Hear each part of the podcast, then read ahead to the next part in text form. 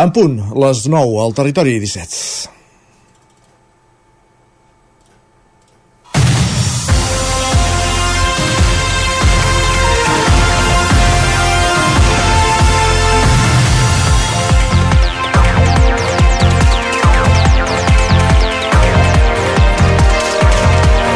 Protestar no és terrorisme és el títol del manifest signat per 150 entitats i 200 personalitats que alerta contra la criminalització de la protesta arran del cas Tsunami Democràtic davant els intents d'imputar per terrorisme líders polítics i activistes socials.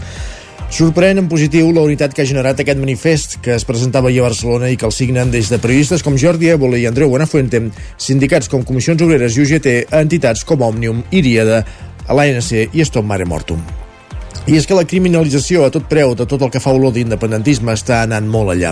Com s'ha vist en les darreres setmanes amb els intents del magistrat Manuel García Castellón d'intentar imputar sigui com sigui Marta Rovira i Carles Puigdemont per terrorisme, pel cas Tsunami, i evitar així la llei d'amnistia, o l'exili cap a Suïssa d'un altre dirigent d'Esquerra, Ruben Wagensberg, per evitar qualsevol intent de detenció.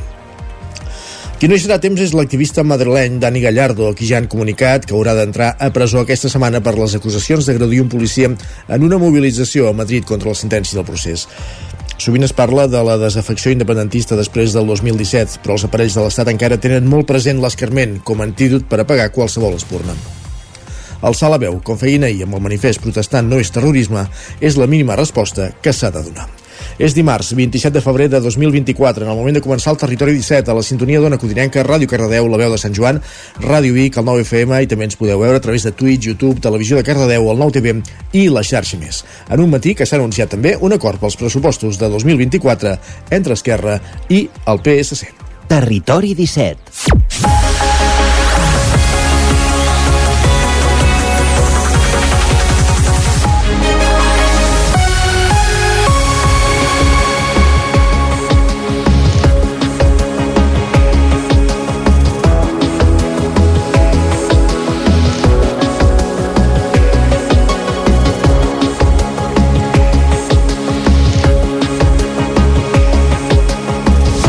Dos minuts i mig que passen de les 9 del matí, en un matí on, a més d'anunciar aquest acord pels pressupostos a la Generalitat entre Esquerra i el PSC, torna a ser un altre matí de mobilitzacions de la pagesia eh, aquesta vegada la majoria de, de protestes, la majoria de talls de carretera en punts fronterers, com per exemple el Coll d'Ares, el Ripollès, de seguida ens ho explicarà l'Isaac Muntades, el bloc informatiu en un territori 17, el magazín de les comarques del Vallès Oriental, Osona, el Ripollès, el Moianès i el Lluçanès, que comença ara, com dèiem, repassant les notícies més destacades de les nostres comarques, també fent un cop d'ull al cel amb en Pep Acosta, el nostre home del temps, eh, per explicar-nos com evoluciona aquest front que en els darrers dies ha passat per casa nostra i anant també cap al quiosc abans de dos quarts de deu amb en Sergi Vives per repassar les portades dels diaris del matí. A partir de dos quarts de deu, la trenc d'Alba amb l'Isaac Muntades des de la veu de Sant Joan recollint les cròniques dels oferts usuaris de la línia tren Barcelona, Granollers, Vic, Ripoll, Puigcerdà i a l'entrevista des d'Ona Covidinenca amb companyia d'en Roger Rams avui conversarem amb Joan Solà, president de l'Associació de Micropobles de Catalunya. Acte seguit, sortirem a l'exterior en en concret fins a Can de Bànol, al Ripollès, en companyia de l'Isaac Muntades, de la veu de Sant Joan, per conèixer la nova comissió de festes de Can de Bànol, d'aquesta localitat ripollesa. A les 10 notícies, la previsió del temps i com cada dimarts a la secció d'Economia, avui en Joan Carles Arredondo, el cap d'Economia del 9-9 del Vallès Oriental, es fixa la multa que la Comissió Nacional del Mercat dels Valors i la Competència l'imposarà a Booking. En parlarem, com dèiem, a partir d'un quart d'onze del matí, a dos quarts ens endinsem a Twitter per conèixer les pilades més destacades de les darreres hores i els dimarts, ja ho sabeu, l'acabem amb el Territori Podcast, avui eh, els dimarts amb el racó de pensar amb la Maria López des de Ràdio Televisió Cardedeu i avui parlant de la fama sobtada. I ho faran amb dos concursants, amb dos exconcursants d'Eufòria de la primera edició, en Joan Lianyo, que a banda d'Eufòria també va passar per l'operació Paqui de Ràdio de Televisió de Cardeu i la xarxa i l'OA ANSA. Eh, segurament no tan coneguda perquè va quedar eliminada al primer programa però avui parlarem de la fama sobtada el racó de pensar del territori podcast a la darrera mitja hora del programa a partir de dos quarts, onze i algun minut del matí. I amb el sumari repassat, el que fem tot seguit és posar-nos en dansa, tot repassant, com dèiem, les notícies més destacades de les nostres comarques, les notícies del territori 17, que són les notícies del Vallès Oriental, Osona, el Ripollès, el Moianès i el Lluçanès. Territori 17.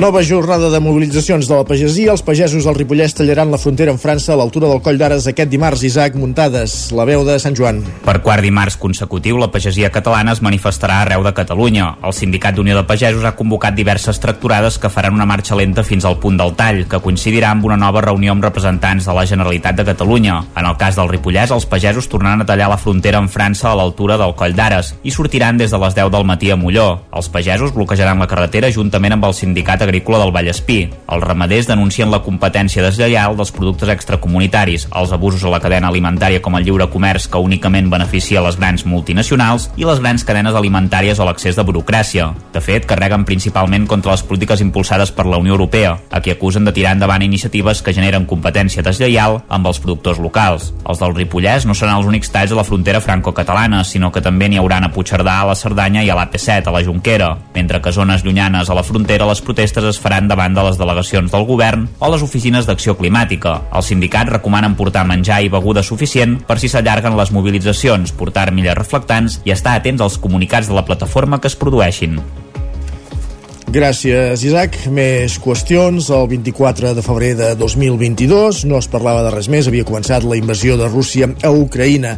Des de l'esclat de la guerra, ara fa dos anys, el Servei d'Acollida i Integració del Consell Comarcal d'Osona ha donat a Xupluc a 290 persones refugiades d'Ucraïna, una tasca que no podria explicar-se sense la dedicació de l'ONG Osona amb els nens. El Sergi Vives, al 9FM.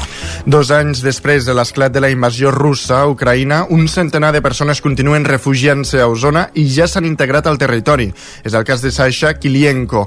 Va marxar d'Ucraïna la nit del 24 al 25 de febrer de l'any 2022 amb un destí clar, Osona, una comarca on de petita havia passat estius de la mà de l'ONG Osona amb els nens. Des de llavors viu a Torelló amb la seva mare i la seva àvia. Des de que va esclatar la guerra no ha tornat a casa, a Kiev.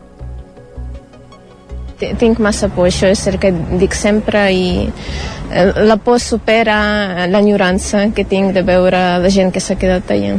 La gent intenta continuar amb la seva vida tal com poden. És veritat que van als teatres, eh, no sé, la vida continua normal com aquí, eh? però sí que és diferent perquè no vol dir que no pateixen no, emocionalment.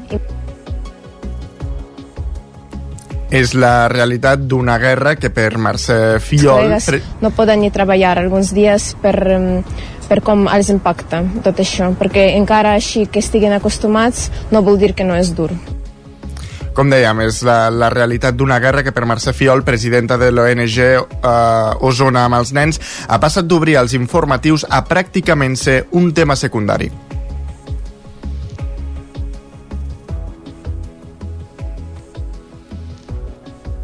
Uh, penseu que el tema Ucraïna està molt aparcat. Vull dir, se'n parlarà ara vuit dies, perquè farà els dos anys, però fins ara, fins aquesta setmana, no s'havia parlat més. Des de l'esclat de la guerra, el Servei eh, d'Acollida i Integració del Consell Comarcal ha donat a Xopluc a 290 persones refugiades d'Ucraïna. Centrats ara en feines d'acompanyament, des del Consell Comarcal asseguren que la porta està oberta pel que pugui passar el conflicte.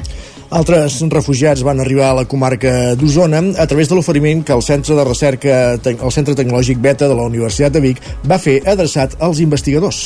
Com per exemple Galina Ribuka, eh, va ser una de les, eh, precisament de les investigadores ucraïneses que va respondre a l'oferiment que el Centre de Recerca Beta de la Universitat de Vic va fer a través de les xarxes socials quan va esclatar el conflicte ara fa dos anys. Quan va arribar no s'esperava quedar-s'hi tant de temps. Ella és economista i s'ha especialitzat en la gestió de projectes dins el catàleg en què treballa el Centre de Recerca de la UBIC i des d'on s'ha implicat amb el projecte Science for Ukraine. A l'inici de la guerra se'n parlava molt a les ràdios, als diaris i a les televisions. Es parlava molt d'Ucraïna, però ha passat molt temps. Dos anys és molt temps i ja no se'n parla tant, però la gent continua sent conscient de quina és la situació. Sí que és veritat que no parlar-ne fa que la gent se n'oblidi i no tan sovint ens pregunten com estem, com passava al principi. Tot i així, continuem tenint molt suport i trobem ajuda en tot el que necessitem. Tothom entén que és un gran problema, no només d'Ucraïna, sinó del món sencer. Albert Palou, responsable de Relacions Institucionals del Centre Beta de la Universitat de Vic, explica com va començar aquest projecte. El que inicialment havia de ser una oferta per a una persona es va acabar convertint en l'arribada de, de 8 persones que van estar eh, d'entrada eh, temporalment amb el, formant part del nostre equip en les condicions eh, exactament iguals amb les que acostumem a rebre cada any eh, molts investigadors. Aquí la dinàmica normal és que vingui gent a fer estades de recerca, doncs volíem tractar-ho amb la mateixa naturalitat dintre de tot el context que vinguessin a, a formar part del nostre equip un temps per aprendre i per aprendre nosaltres d'ells.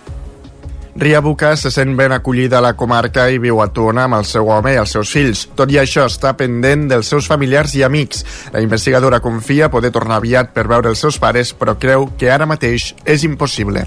Més qüestions. Sant Feliu de Codines, al Vallès Oriental, serà més estricte amb el sistema de recollida de deixalles porta a porta a Roger Ram, zona codinenca. Bon dia, exacte. Aquest dilluns s'ha celebrat aquí a Sant Feliu de Codines un acte per abordar la situació del sistema de recollida selectiva porta a porta. El municipi va ser un dels pioners a Catalunya en la implantació d'aquest servei l'any 2004, ara fa 20 anys, però en els darrers temps les xifres de reciclatge s'han estancat i inclús han fet petites davallades. Segons les darreres dades, xifres de l'any 2022, Sant Feliu de Codines va reciclar un 65,7% dels residus, una xifra superior a la mitjana catalana situada al 43 al 45 5,3%, però baixa per tenir el porta a porta. Isaac Paraire és president de l'Agència Catalana de Residus de Catalunya, que va intervenir també en aquest acte. L'evolució de recollida selectiva dels residus a Catalunya ha anat una mica en paral·lel al que ha fet també eh, Sant Feliu de, de Codines, és a dir, està en un estancament en els, en els últims anys. Um, si bé a inicis del 2000 amb l'aparició dels, dels porta a porta i de, i de la, la, la selecció de diferents fraccions doncs va fer un salt, els últims eh, ha quedat estancat. I per què no s'ha avançat en els darrers anys com a, com a país? Doncs perquè eh, encara durant aquest temps sortia eh, més barat eh, fer-ho malament que fer-ho bé. Necessitem que el lloc que teníem com a residu pugui ser eh, valoritzat o entès com a, com a producte. Per tal de millorar aquestes xifres, l'Ajuntament de Sant Feliu va exposar quatre objectius que es van definir com a claus per millorar el servei i també les dades de reciclatge.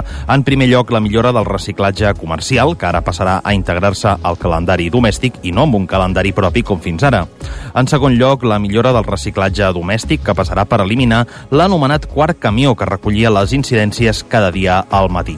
En tercer lloc, s'apostarà per recopilar més dades, un fet que ha de permetre aplicar la taxa justa en un futur i finalment finalment es vol vetllar per un augment del civisme a la via pública, evitant treure bosses i altres residus sense cubells que, en alguna ocasió, doncs, generen imatges eh, força denigrants als carrers. Paral·lelament, de cara al futur, el consistori va deixar la porta oberta a implantar els cubells amb xip i també va advertir que, en cas de rebre repetides incidències d'un mateix domicili, s'aplicarà el règim sancionador previst en l'ordenança de civisme. Gràcies, Roger. I encara al Vallès Oriental, el tall de l'AP7 de dissabte a la tarda, ocasionat per la calamarsada entre Sant Celoni i Llinars del Vallès, continua portant cua. Enric Rubio, Ràdio Televisió, Cardedeu. Així és, Isaac, van ser 5 hores les que els conductors de centenars de vehicles van restar a l'espera a dissabte a que les màquines llevaneu accedissin a l'AP7, al tram entre Sant Celoni i Llinars del Vallès, per poder retirar el gel i tiressin sal a la via per evitar accidents immediats un cop feta la reobertura.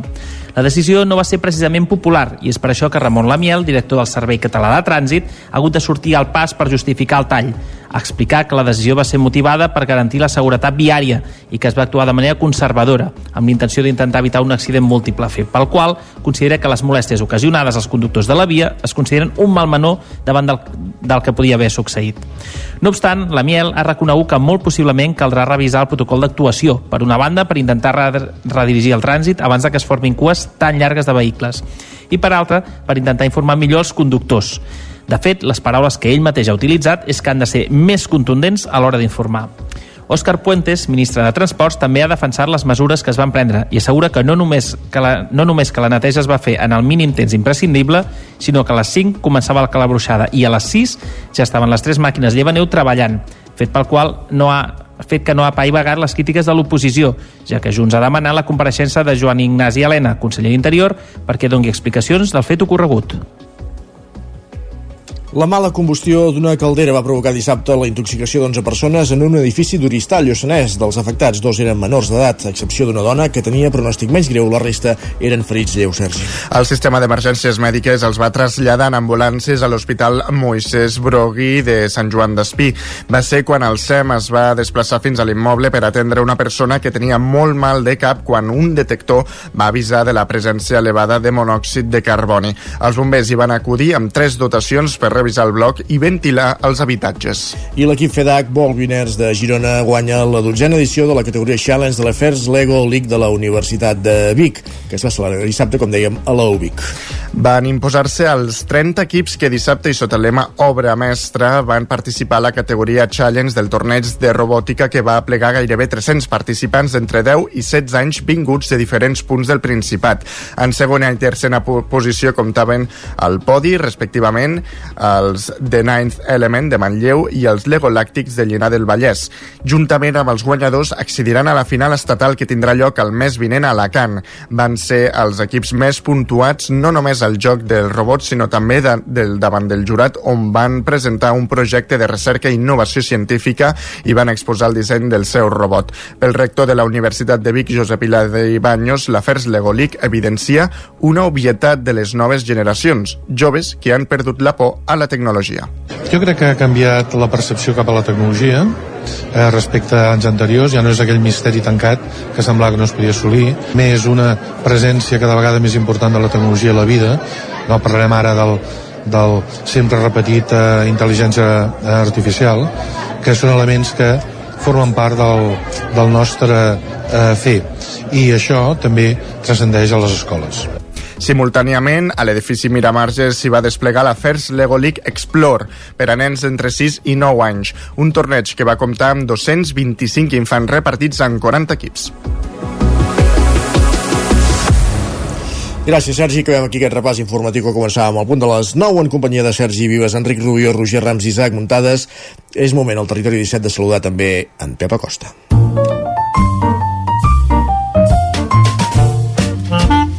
Casa Terradellos us ofereix el temps. Ahir vam tornar a veure ploure, la cosa continuarà com tenim aquest front. Pep Acosta, Ona Codinenca, benvingut, bon dia. Bon dia, aquí estem, un dia més, a la informació meteorològica. Així ens agrada.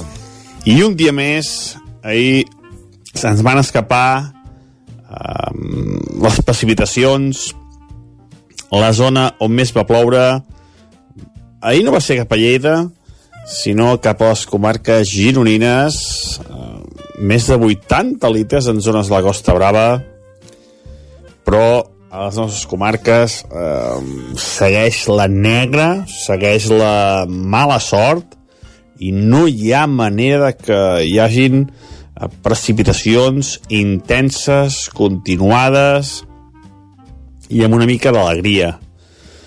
Ahir, com a molt, vam acostar-nos als 10 litres a tota la conca del Ter, que, bueno, eh, són bones notícies, lògicament, eh, és que plogui a les parts més altes a les capçaleres dels rius és bona notícia, però clar 10 litres mm, és poca cosa, eh? Mm, hagués anat molt bé tota aquesta precipitació gironina de més de 30, de 30 80 litres que van caure a bastantes comarques ho hagués fet una mica més al nord, una mica més cap a les capçaleres, hagués estat una bona notícia, però, però no hi ha manera. Aquí, a casa nostra, a les comarques, segueix aquesta tendència sequera, segueix aquesta tendència um, de poca puja i no es pot revertir de moment per enlloc. Mm, segueixen les temperatures bastant fresques, eh, mínimes de 7 graus eh, cap a la zona del prelitoral, Cales de Montbui en els pròxims uns 7 graus, eh, 2-3 graus cap a la zona del Moianès, aquesta zona tan freda de Moià, que sí, sí que és Sol, també 2-3 graus cap a Osona, i temperatures àmpliament negatives a les zones altes, eh, cap a Montseny també 2-3 graus sota zero, i al Pirineu entre 7 i 8 sota 0 les mínimes. Fa fred a la nit i avui serà un dia variable. En principi només plourà a la part, eh, novament a la part més alta del Ter, cap al Ripollès, a la part més septentrional del Ripollès, eh, i eh, bueno seran pluges eh, novament escasses. Eh, avui la nevada i la pluja més, in, més interessant i més important se situarà a la part occidental del Pirineu a la banda atlàntica cap a la Vall d'Aran i zones pròximes. I aquí ens arribaran les escorrialles en forma de poca pluja poder com ahir 5-10 litres que bueno, n'hi han sumant n'hi han sumant però mm, amb la sequera que hi ha mm, els cursos fluvials gairebé ni es notarà. Les temperatures màximes seran una mica més altes ja que tindrem més hores de sol que no pas ahir. Serà un dia avui variable com deia. Núvol, sol, es torna a tapar. Eh, només estarà més tapat i plourà i nevarà més cap al nord del Ripollès. Les temperatures màximes, com deia, moltes entre els 13, 14, 15 graus, a tot estirar, poder que al litoral una mica més altes. I un altre element destacat serà el vent, sobretot a les zones altes, Pirineu, Transversal i Montseny, bufaran cops forts de més de 80-90 km per hora. Vent de nord que accentuarà el fred en aquestes zones altes. Molt bon dia. Doncs pendents d'aquest vent de nord que afectarà les zones més altes del nostre territori, del territori 17. Gràcies, Pep. Parlem d'aquí una estoneta. Casa Tarradellas us ha ofert aquest espai. I ara, quan falten 9 minuts perquè siguin dos quarts de 10 del matí, és moment d'anar cap al quiosc. Abans, però, de, de donar pas a Sergi Vives que ens, ens expliqui quines són les portades dels diaris del matí, eh, escoltem la compareixença que està fent en aquest moment el primer secretari del PSC, Salvador Illa, valorant aquest acord dels pressupostos amb Esquerra Republicana de, de Catalunya. tramitació administrativa doncs, tindran la seva pertinent tramitació administrativa, em refereixo al conveni de la B40 i al Centre Recreatiu i Turístic de Vilasec i Salou, així eh, ho hem acordat i aquesta és la nostra confiança en el que va dir en sessió plenària el president de la Generalitat. No? I jo ja per acabar doncs volia agrair la feina feta als equips negociadors tant del meu grup com de, per part del govern doncs, com dèiem, aquest matí s'anunciava aquest acord de pressupostos que inclou aquests dos punts que, que ara esmentava Salvador Illa, eh, el centre recreatiu eh, a Vilaseca i Salou, al Hard Rock, i, i també un tram de, de la B40, el coneixerem amb més detall en els propers minuts, al llarg de, del matí, aquest acord de govern. Ara, com dèiem, ha comparegut el, el primer secretari del PSC, Salvador Illa, més tard ha de compareixer també la vicepresidenta del govern, Laura Vilagrà. Ara sí, Sergi Vives, repassem quines són les portades dels diaris d'aquest matí de dimarts 27 de febrer de 2024 un dimarts on, on encara no queda recollit aquest acord de govern perquè s'ha conegut eh, aquest matí quan els diaris ja, ja eren al quiosc Bueno, algun, algun, algun, sí, algun sí. De fet, el qui obre la portada amb aquest uh, titular és l'Ara, que diu que Aragonès i Illa tanquen un acord per als pressupostos, expliquen que el compromís amb el Hard Rock desencalla el pacte amb el PSC, però complica el sí dels comuns. Diuen que els comptes inclouen 1.000 milions per a la sequera, un 9,5% més per a educació i un 1,7% més per a cultura i sota es faran pregar aquests comuns, eh? Sí, però ja veurem. Sí, sí, sí. No sé, podem intuir el resultat final de la votació, però vaja, més qüestions. I sota el titular, les telecos contra Google i Apple expliquen que Álvarez Payete, president de Telefònica, va obrir ahir al Mobile World Congress cridant a un front comú a les telecos per encarar les grans inversions que requereix la intel·ligència artificial i que les enfronta a les grans tecnològiques. El periòdico diu que l'IVA de la llum eh, està a un pas d'escalar del 10% al 21%. Diuen que el preu majorista de l'electricitat va pel camí d'acabar al mes per sota dels 45 euros per megawatt hora i deixaria així sense efecte la reducció impositiva. Diuen que els abonats vulnerables mantindran la rebaixa. La Vanguardia diu que la taxa de pobresa creix malgrat que augmenten els ingressos i l'ocupació. Expliquen que la inflació agreuja les condicions de vida. Andalusia obté la pitjor dada, el 37%, i Euskadi la millor, el 15%, tot plegat davant del 21% de Catalunya i el 19% de Madrid. Per altra banda, diuen que Hongria cedeix i permet que Suècia es converteixi en el país número 32 de l'OTAN. I el punt avui, eh, acabem amb portades catalanes amb el punt avui, diu que sota el titular contra la criminalització criminalització del dret de protesta, diu que 150 entitats i personalitats clamen perquè es desvinculi les manifestacions del terrorisme. Entre els firmants hi ha Jordi Évole, Carlos Bardem, Elena Gadel i Andreu Buenafuente. Ara sí, anem amb portades espanyoles. El País diu uh, que Avalos porta el límit al PSOE, el diu que és injust i que us esteu equivocant. Expliquen que l'exministre es resisteix a deixar l'escó com li exigeix el partit, però cedeix la presidència de la Comissió d'Interior. Expliquen que Santos eh, Cerdán va ser enviat per Sánchez i va tractar de convèncer-lo sense èxit. Sense èxit. Veurem avui si comença, hi ha ple al Congrés, si, si encara és ministre Avalos o, o... Ai, ministre no, segur que no. En tot cas, diputat o, o ha renunciat tal com espera que faci el partit. Més qüestions. I, de fet, és el tema que ocupen eh, totes les portades de Madrid. Eh? L'ABC diu que Avalos desafia Ferraz i es resisteix a deixar l'escó. Expliquen que creix el nerviosisme al PSOE, el desafia l'exministre a l'últimàtum del, del partit. El Mundo diu que els alts revelen que l'ordre va venir de l'entorn del ministre. Expliquen que l'audiència investiga si Transports va reunir a directius de Ports i Adif per instruir-los en els contractes sanitaris. Diuen que els seguiments constaten que Avalos seguia veient-se amb Coldo durant la investigació policial.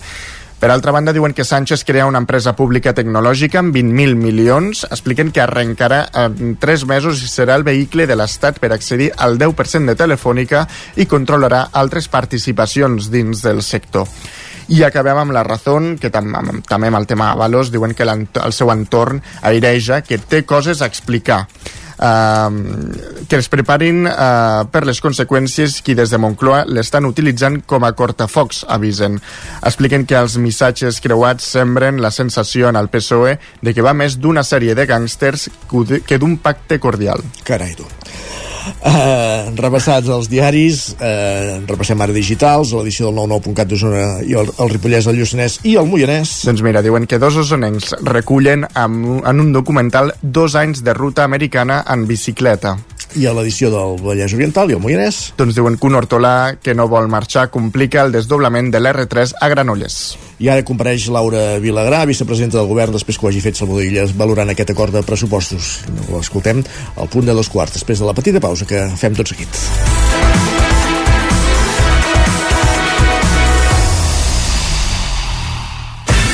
El nou FM, la ràdio de casa, al 92.8. Cobertes serveis funeraris. Els nostres tanatoris estan ubicats en els nuclis urbans més poblats de la comarca d'Osona per oferir un millor servei. Tanatori de Vic, Tanatori de Manlleu, Tanatori de Centelles i Tanatori de Roda de Ter.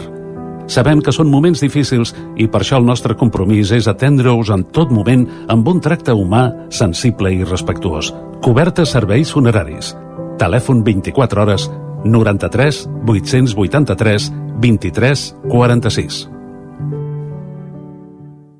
La qualitat de les teves impressions és important per tu? Estàs cansat que els colors i les imatges no surtin com t'esperes? A Impremta Mater disposem de la tecnologia més avançada i els millors professionals per aconseguir impressions d'alta qualitat. Fem tota classe d'impresos amb acabats professionals. Llibres, catàlegs, revistes, tesis, calendaris, enquadernacions... I, a més, disposem del servei d'impressió digital en gran format. Roll-ups, lones, pòsters i molt més. Impremta Mater. Ens trobaràs a la carretera de Sant Hipòlit 23 de Vic o impremtamater.com Cocodril Club. Si t'agrada la bona música dels anys 60, 70 i 80, escolta el 9 FM els matins de dissabtes i diumenges d'11 a 1. És el temps del Cocodril Club, tot un clàssic de la ràdio, amb les bases del pop-rock, les llegendes, les cançons que s'han convertit en autèntics himnes. Recorda, dissabtes i diumenges al matí, d'11 a 1, al 9 FM 92.8. Cocodril Club, el programa revival de l'Albert Malla. Hasta luego, cocodrilo. Cada dimarts a les 11 de la nit, al 9 FM, repàs de l'actualitat esportiva a la banqueta. L'infopodcast del 9-9 amb Sílvia Pedret. Cada dia et donem les claus de les notícies més rellevants de casa nostra. Vivim en una comarca que s'està demostrant pionera en transició. Desperta't cada dia amb l'infopodcast del 9-9. Aquesta setmana tornen a ser notícia els pantans perquè han baixat... El trobaràs a dos quarts de vuit del matí al 99.cat, Spotify, iVox i, si ho vols, te l'enviem directament al mòbil. Subscriu-te als canals de WhatsApp i Telegram del 99. Soc Sílvia Pedret. Comencem.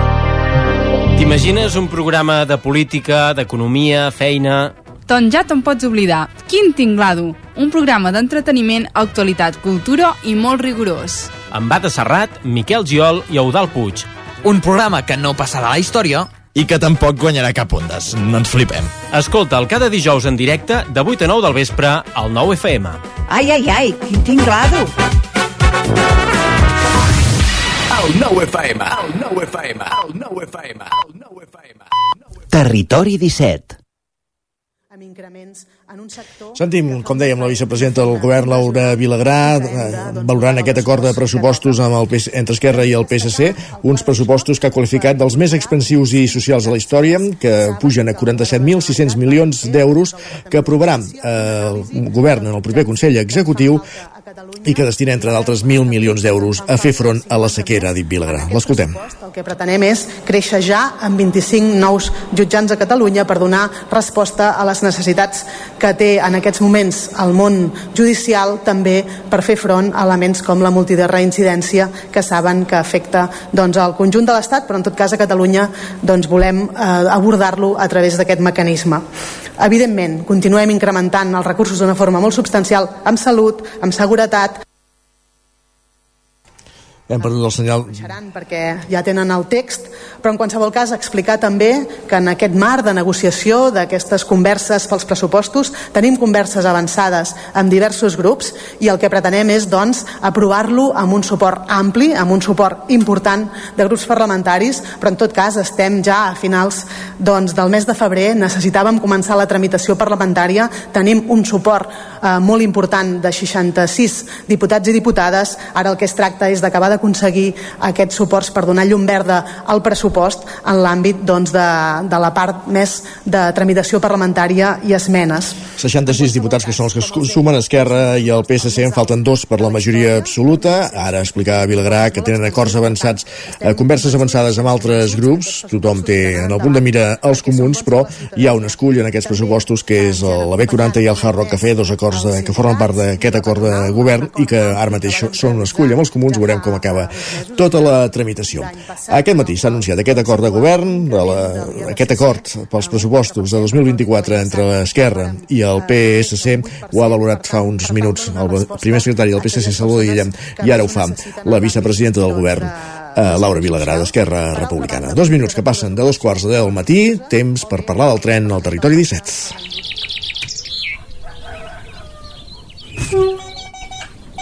A Tren d'Alba, cada dia els usuaris i usuàries de la línia R3 de Rodalies que veuen sortir el sol des d'un vagó ens expliquen les gràcies i les penes del primer comboi que uneix Ripoll i Barcelona o les feixugues jornades amb el tren després de treballar.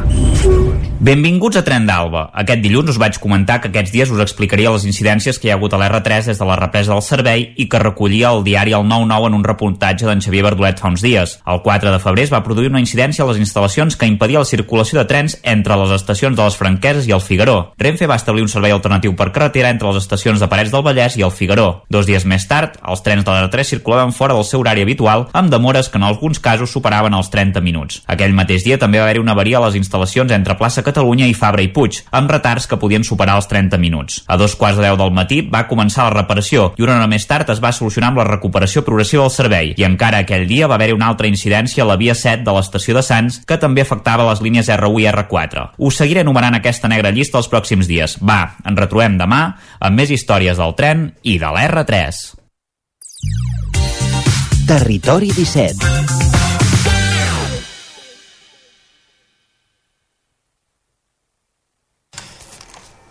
3 minuts, gairebé 4, que passen de dos quarts de 10 del matí, temps per l'entrevista al Territori 17.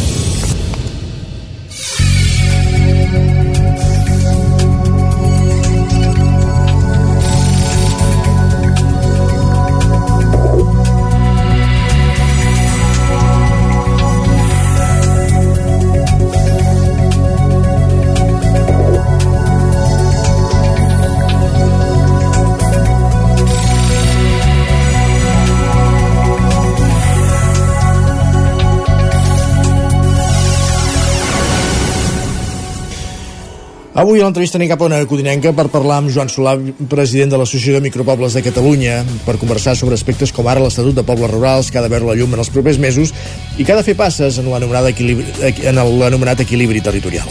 També parlarem d'altres temes com la sequera o les reivindicacions del sector primari. Eh, com sempre, ho fem en companyia d'en Roger Rams, d'Ona Codinenca. Roger.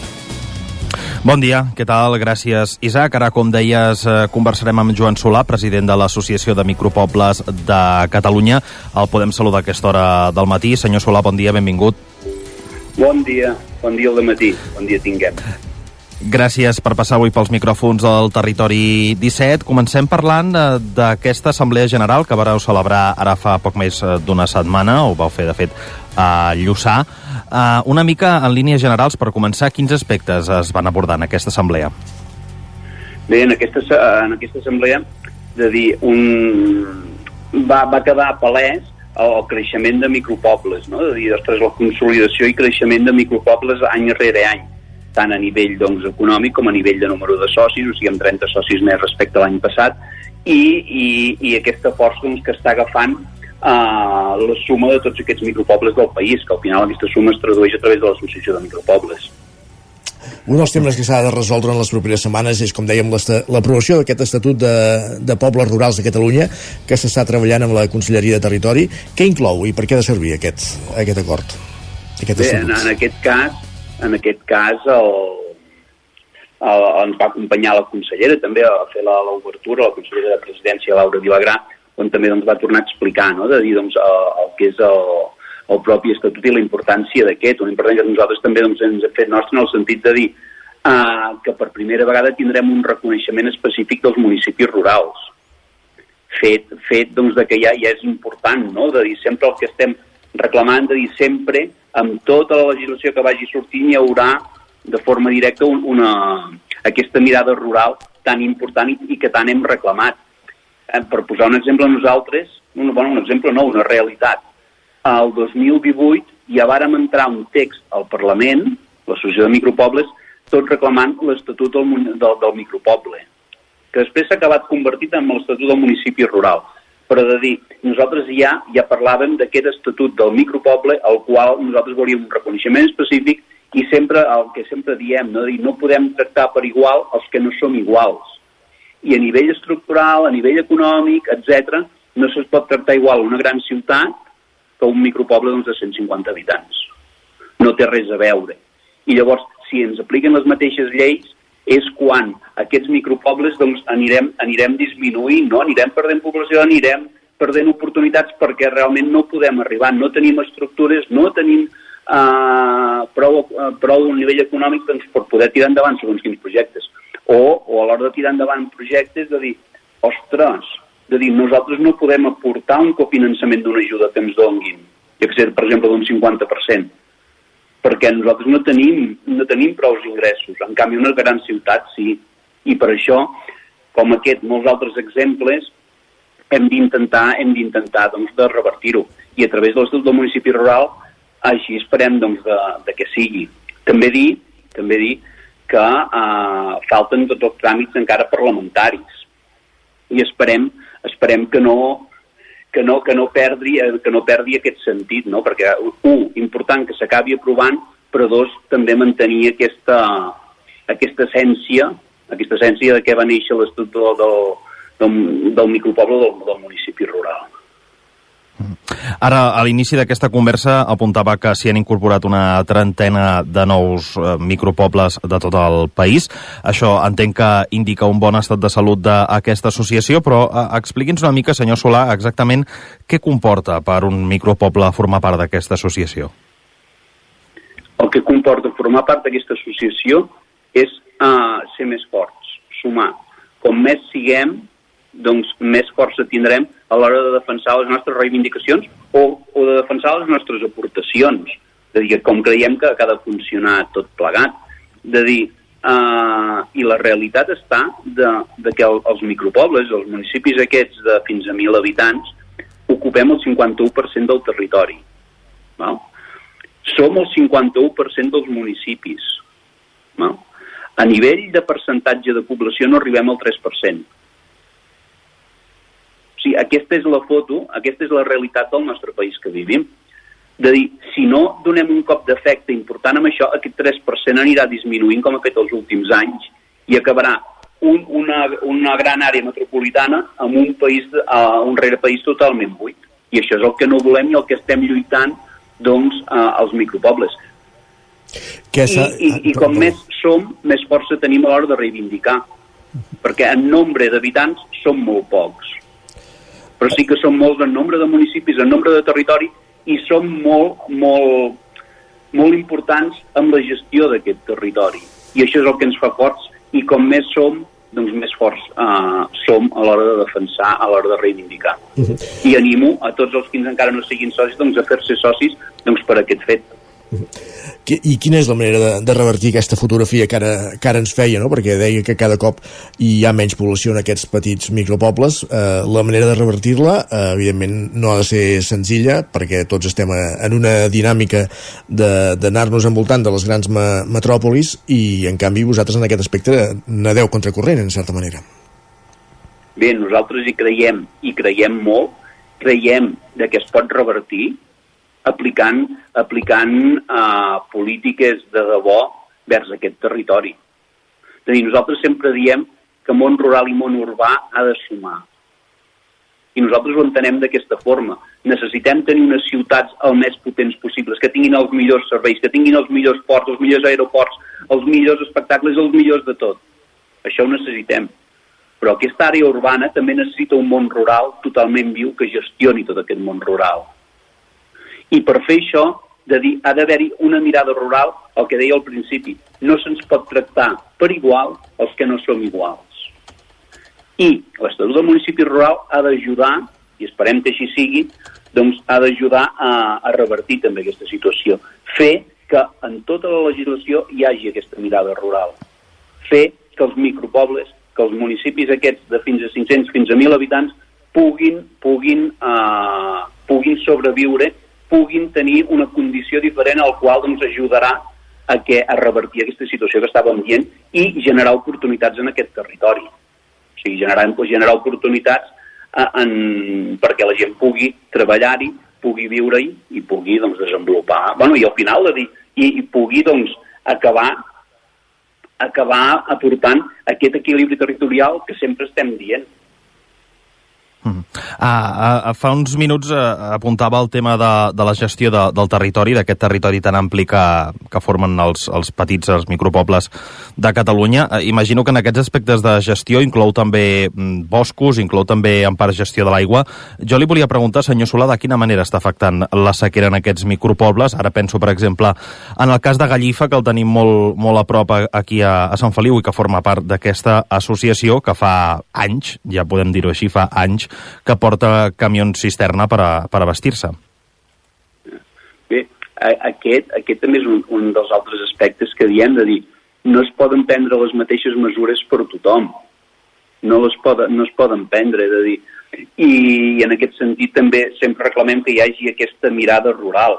I quan nosaltres ens està dient que se sancionaran els ajuntaments, per la mort de Déu, com podem, com podem dir que sancionarem els ajuntaments que fan tot el que poden amb els pocs recursos que tenen. Si aquests pocs recursos encara han d'anar per pagar unes sancions, malament rai. O quan ens diuen de dir reduirem el consum d'aigua en explotacions ramaderes. És a dir, però una explotació ramadera significa una família, en molts casos, una família que està vivint d'aquesta explotació. Si li reduïm els ingressos a la meitat, etc etc, aquesta família haurà d'acabar plegant i marxant. Aquest... O sigui, en aquest sentit, és el que hem de, hem de lluitar de dir, ostres, la sequera és important, tots hi hem de posar-hi de la nostra part. I tant que sí, i tant. Però no són ni culpables d'aquesta sequera, ni han de a, a la, la pròpia, els propis ajuntaments de micropobles, que fan tot el que, el que realment poden, que tenen una, unes xarxes molt extenses, molt extenses, i uns ingressos molt petits. Per fer millores amb aquestes xarxes doncs, necessita doncs, ajuts que provinguin doncs, de, de la Generalitat, de l'ACA, d'allà on sigui, no? Mm. I per altra banda també doncs, la reducció, quan ens diuen reducció de consums eh, per les explotacions agrícoles ramaderes, ostres, vigilem i no ho diguem d'una forma tan, tan alegre o tan clara, perquè de dir, la repercussió pot ser molt gran i molt negativa en, en, en un període curt de temps. I com a contrapunt, aquests dies s'està celebrant a Barcelona el Mobile World Congress i l'aspecte de les telecomunicacions sempre ha estat una reivindicació també des, de, des dels entorns rurals, des dels petits nuclis de població, perquè no sempre la tecnologia hi arriba de la mateixa manera que, que en un altre punt. Eh, es va trobant solucions aquests esculls tecnològics? Bé, en aquest sentit s'ha avançat molt els últims anys, o sigui, el govern doncs, ha fet una aposta molt gran en aquest sentit, de dir, i sí que, doncs, que està arribant la fibra òptica doncs, a, a molts racons del país doncs, que fins ara, fins ara no hi arribava, s'està treballant, o sigui, s'està avançant. Segurament que ens agradaria també que avancéssim més ràpid, que ja ho tinguéssim resolt, però sí que en aquest sentit doncs, uh, s'està fent una feina important. De dir que ens agradaria potser millor més ràpida, segurament, però, però s'hi està fent i s'hi han posat d'una forma molt, molt seriosa, perquè és, un, és una de les reclamacions que també sempre hem fet, de dir, ostres, com pot ser que en el món rural doncs, no puguem treballar doncs, des de casa, no? perquè no tenim internet, o no tenim internet en prou en prou condicions. En, en aquest sentit s'ha millorat uh, d'una forma molt gran. O sigui, en aquest sentit tot... Mm, bueno, és, és d'aquelles coses de dir, a base de picar molta pedra doncs s'ha aconseguit doncs, de, de que això passés. Mm. Abans d'acomiadar en Joan Solà, president de l'Associació de Micropobles de Catalunya, deixi'm que li faci una darrera pregunta, perquè en l'última Assemblea General, com dèiem, celebrada ara fa uns 10 dies a Lluçà, s'hi van eh, presentar, s'hi van personar un grup de pagesos i ramaders, i vosaltres, com a micropobles, doncs us vau sumar a la seva mm, reivindicació. Eh, ho apuntava abans, ara fa uns minuts, la, la importància de, de l'economia en els micropobles del sector primari. Eh, fins a quin grau eh, doncs és eh, important, és capdalt el sector primari al món rural i per què han decidit sumar-se en aquestes reivindicacions? Bé, quan vàrem rebre que, que creiem que venien també a veure el que és la consellera, eh? de dir que, que venien a veure, perquè al final el primer que vam dir nosaltres som vosaltres.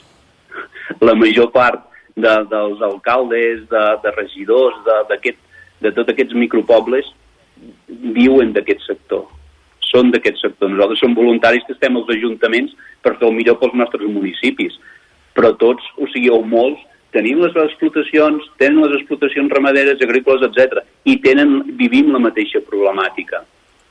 Una problemàtica que anant més enllà també és la quina tenim els ajuntaments i que ens agradaria resoldre, reduir la burocràcia, millor finançament, etc. I el que els hi vàrem dir, i d'una forma oberta, nítida, clara, és que, o sigui, un, agrair-los-hi tot el que estan fent, perquè suposa doncs, un esforç molt gran tot el que estan fent, o sigui, totes aquestes mobilitzacions. Dos, que sàpiguen que com a micropobles hi som sempre o al darrere o al costat i si ells demanen al davant. És a dir, nosaltres és que amb aquestes reivindicacions ens supem al 100%. És un sector bàsic per tot aquest món rural. Sense aquest sector eh, difícilment podríem seguir mantenint aquest aquest 3% que diem de població. I podríem seguir tenint un territori endreçat i generant aliments i generant tot, a, tot el que comporta doncs, el sector de la pagesia, que és molt, molt, molt, i és un dels sectors que, que les passen, les passem canutes, en el sentit doncs, de preus, de burocràcia, etc, però que a la vegada, a la vegada eh, hem de mimar fins al final, des de l'administració més petita, des dels ajuntaments, que poc podem fer eh, a l'administració més gran. O sigui, de dir, total suport a les mobilitzacions, eh, total suport doncs, a, a tot el que estan fent. Joan Solà, president de l'Associació de Micropobles de Catalunya, gràcies per atendre'ns aquest matí aquí al Territori 17 i anem, anirem seguint com va avançant aquest estatut, com van avançant aquestes reivindicacions que feu des, del micro, des dels micropobles de Catalunya, un 3% de la població, però més d'un 50% de, de territori i de municipis de, del país, com ens fèiem, com ens deien la fotografia que ens feia. Gràcies per atendre'ns i bon dia. Moltes gràcies a vosaltres per donar-nos veu, perquè també he de dir, gràcies a mitjans com el vostre, doncs donem a conèixer aquesta realitat, una realitat que hem de donar a conèixer entre tots plegats doncs, per poder revertir la situació que vivim. O sigui, doncs, agraïts doncs, per poder per haver pogut parlar ara aquesta estona amb vosaltres i a disposar sempre. Està Gràcies. Clar. Bon dia. Gràcies també, Roger, un matí més per acompanyar-nos a l'entrevista. Parlem d'aquí una estoneta. Gràcies, fins ara, vagi bé.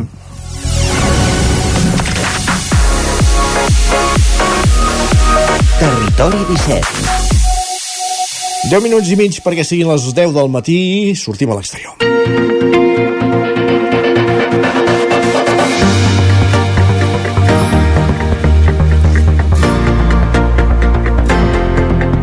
Aquest cap de setmana Can Davant l'ha celebrat un carnestoltes molt lluït i ho ha fet estrenant una nova comissió de festes que fins ara no, ja que fins ara no en teníem uh, perquè havia desaparegut.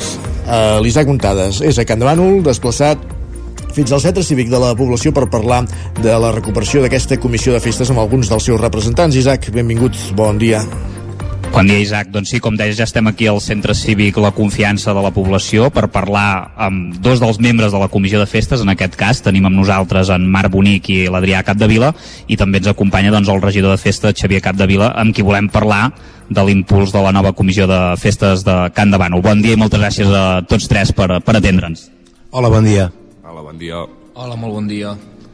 Uh, per començar, i com que l'actualitat mana, aquest cap de setmana, com tots sabem, es va celebrar uh, el Carnaval, que és la primera festa doncs, que, que organitzeu com a comissió de festes. No sé com ho valoreu vosaltres, em sembla que en aquest cas la vostra participació va consistir també en, en portar-hi doncs, una carrossa, la, de, la del Torrent de la Cabana, que va ser bastant uh, graciosa. Expliqueu-nos una mica com, com ho valoreu, aquesta primera entrada doncs, en, en el retorn de la comissió de festes aquí a Can de Bànol.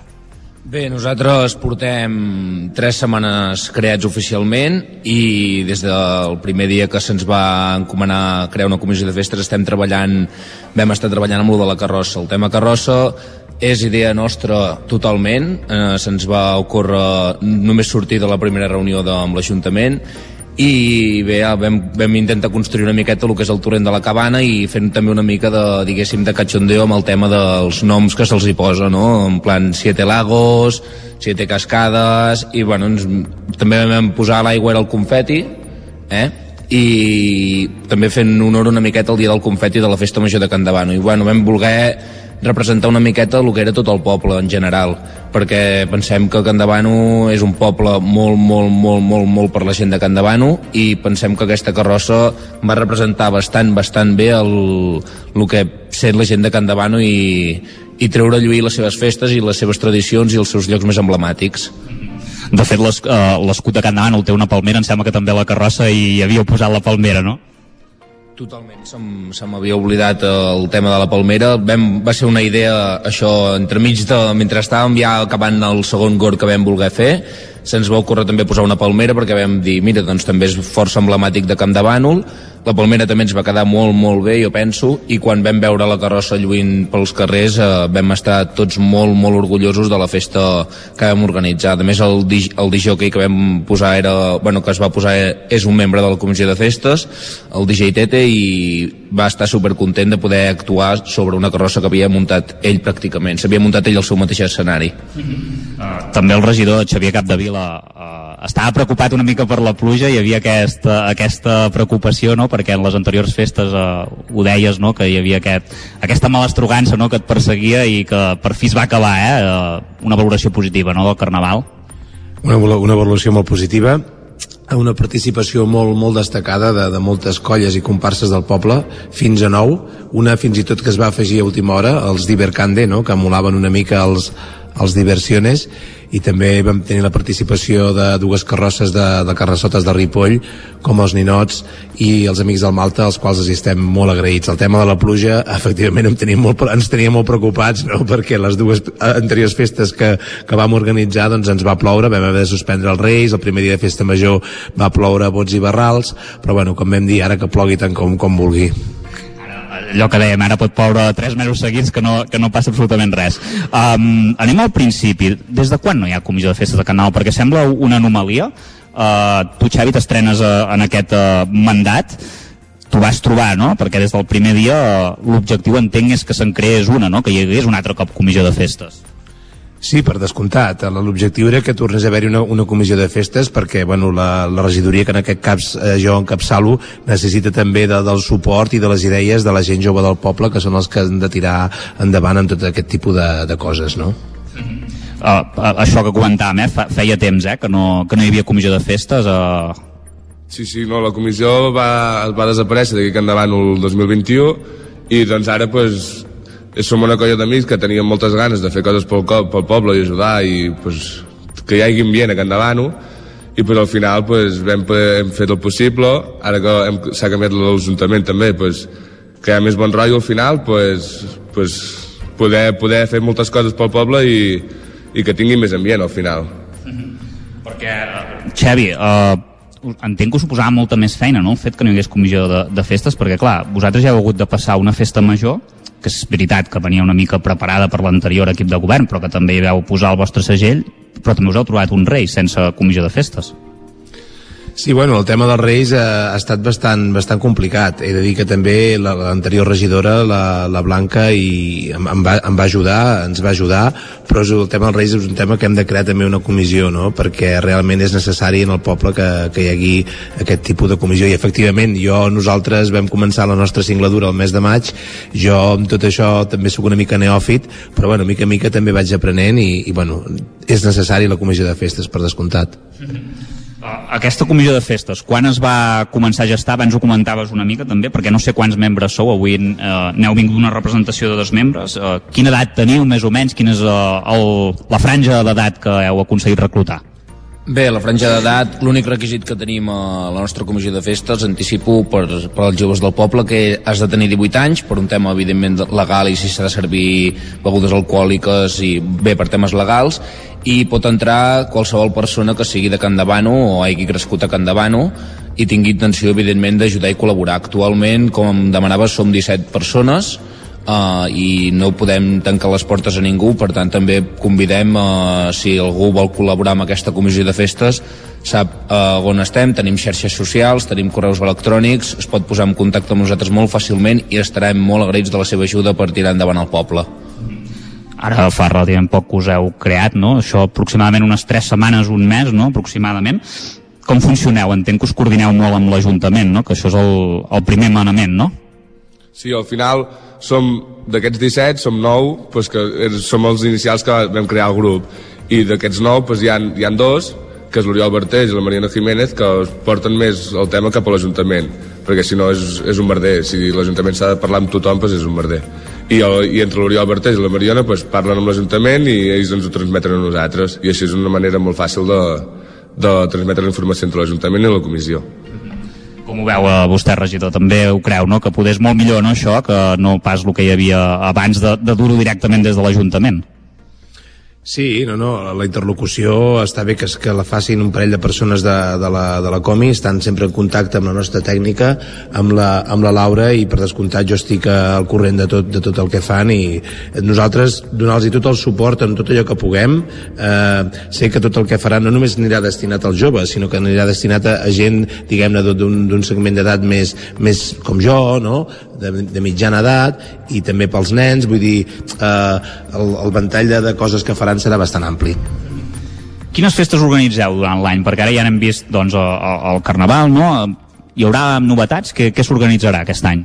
Uh, bé, primer m'agradaria afegir el que comentava abans en Xevi, que és el fet de fer festes per tothom i la intenció, com ara tu deies de les novetats, que te les anticiparé una miqueta, és fer que Can Davant sigui quasi gairebé la capital del Ripollès en, en el sentit del festiu, perquè, per exemple, aquest cap de setmana ho vam patar, uh, per la festa major ho patem sempre i pensem que és un poble que sempre ens toca jugar de visitants i mai ens toca jugar de locals i pot ser un bon motiu per fer Can Davano un gran poble festiu. I de novetats, mm, per Setmana Santa us puc anticipar, podem anticipar-vos que hi ha una novetat que és la nostra estrena oficial ja com a comissió de festes i dates més endavant vindran coses molt, molt, molt importants pel poble, per la comarca i fins i tot per les comarques del voltant. És la intenció que tenim una miqueta. No es pot avançar res més, eh? entenc? Perfecte. Uh, com tenim el pressupost de festes aquest any, regidor? Bueno, el pressupost està bastant, bastant ajustat. Eh, pràcticament només ha pujat eh, l'IPC, eh, ben bé perquè també tot, tot, tot puja, no? però el que sí ja és una mica un canvi no, en, la, en la filosofia. No? Nosaltres el que, el que volem eh, des de la meva regidoria és intentar doncs, que, mm, obtenir una mica més de retorn de les festes que es fan al poble, no? Més que res perquè aquest retorn el puguem utilitzar per fer coses més endavant no? I, ben, i ben xules com, com deia ara l'Adrià no? però el pressupost no ha pujat pas gaire. Hi ha una cosa que l'altre dia podíem llegir al, al diari El 9-9 en l'entrevista a l'alcalde Oriol Lázaro que ens deia que es volien aprofitar espais. Un evidentment és el Diagonal. L'altre és l'edifici de l'antiga escola Pirineu del carrer Coll i Verdolet. Allà s'hi farà alguna cosa per Sant Joan Ah, bé, al principi la idea és aquesta. Uh, tenim intenció de, sobretot si és per Sant Joan, com tu has avançat, fer la festa a un espai exterior i creiem que és el que seria més òptim per, degut a les condicions climàtiques si el mes de febrer l'hem passat amb una calor gairebé inexplicable, imagina't quina calor pot fer el 23 de juny. Doncs no ens queda temps per més. Moltes gràcies a tots tres per haver estat avui amb nosaltres al Territori 17, en, en Marc Bonic, a l'Adrià Capdevila i també al regidor de festes, Xavier Capdevila. Moltes gràcies per ser avui al Territori 17 amb nosaltres. A vosaltres, Isaac. Gràcies, Isaac, també. Gràcies. Gràcies, Isaac, un matí més per oferir-nos aquesta connexió des de l'exterior avui coneixent el detall d'aquesta nova comissió de festes de, de Can de Bànol. Nosaltres avancem al territori 17 perquè ara ja són les 10.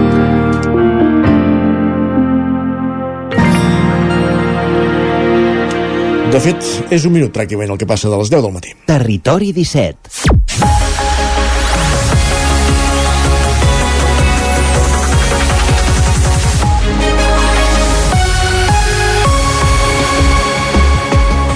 Moment per l'actualitat, moment per les notícies al territori 17, les notícies de les nostres comarques, el Vallès Oriental, l'Osona, el Ripollès, el Moianès i el Lluçanès, un informatiu que fem en connexió amb les diferents emissores que dia a dia fan possible aquest programa. Ràdio Cardedeu, on acudirem que la veu de Sant Joan, Ràdio Vic, que ens podeu, eh, i també el 9FM, i ens podeu veure a través de Twitch, YouTube, Televisió de Cardedeu, el 9TV i la xarxa més.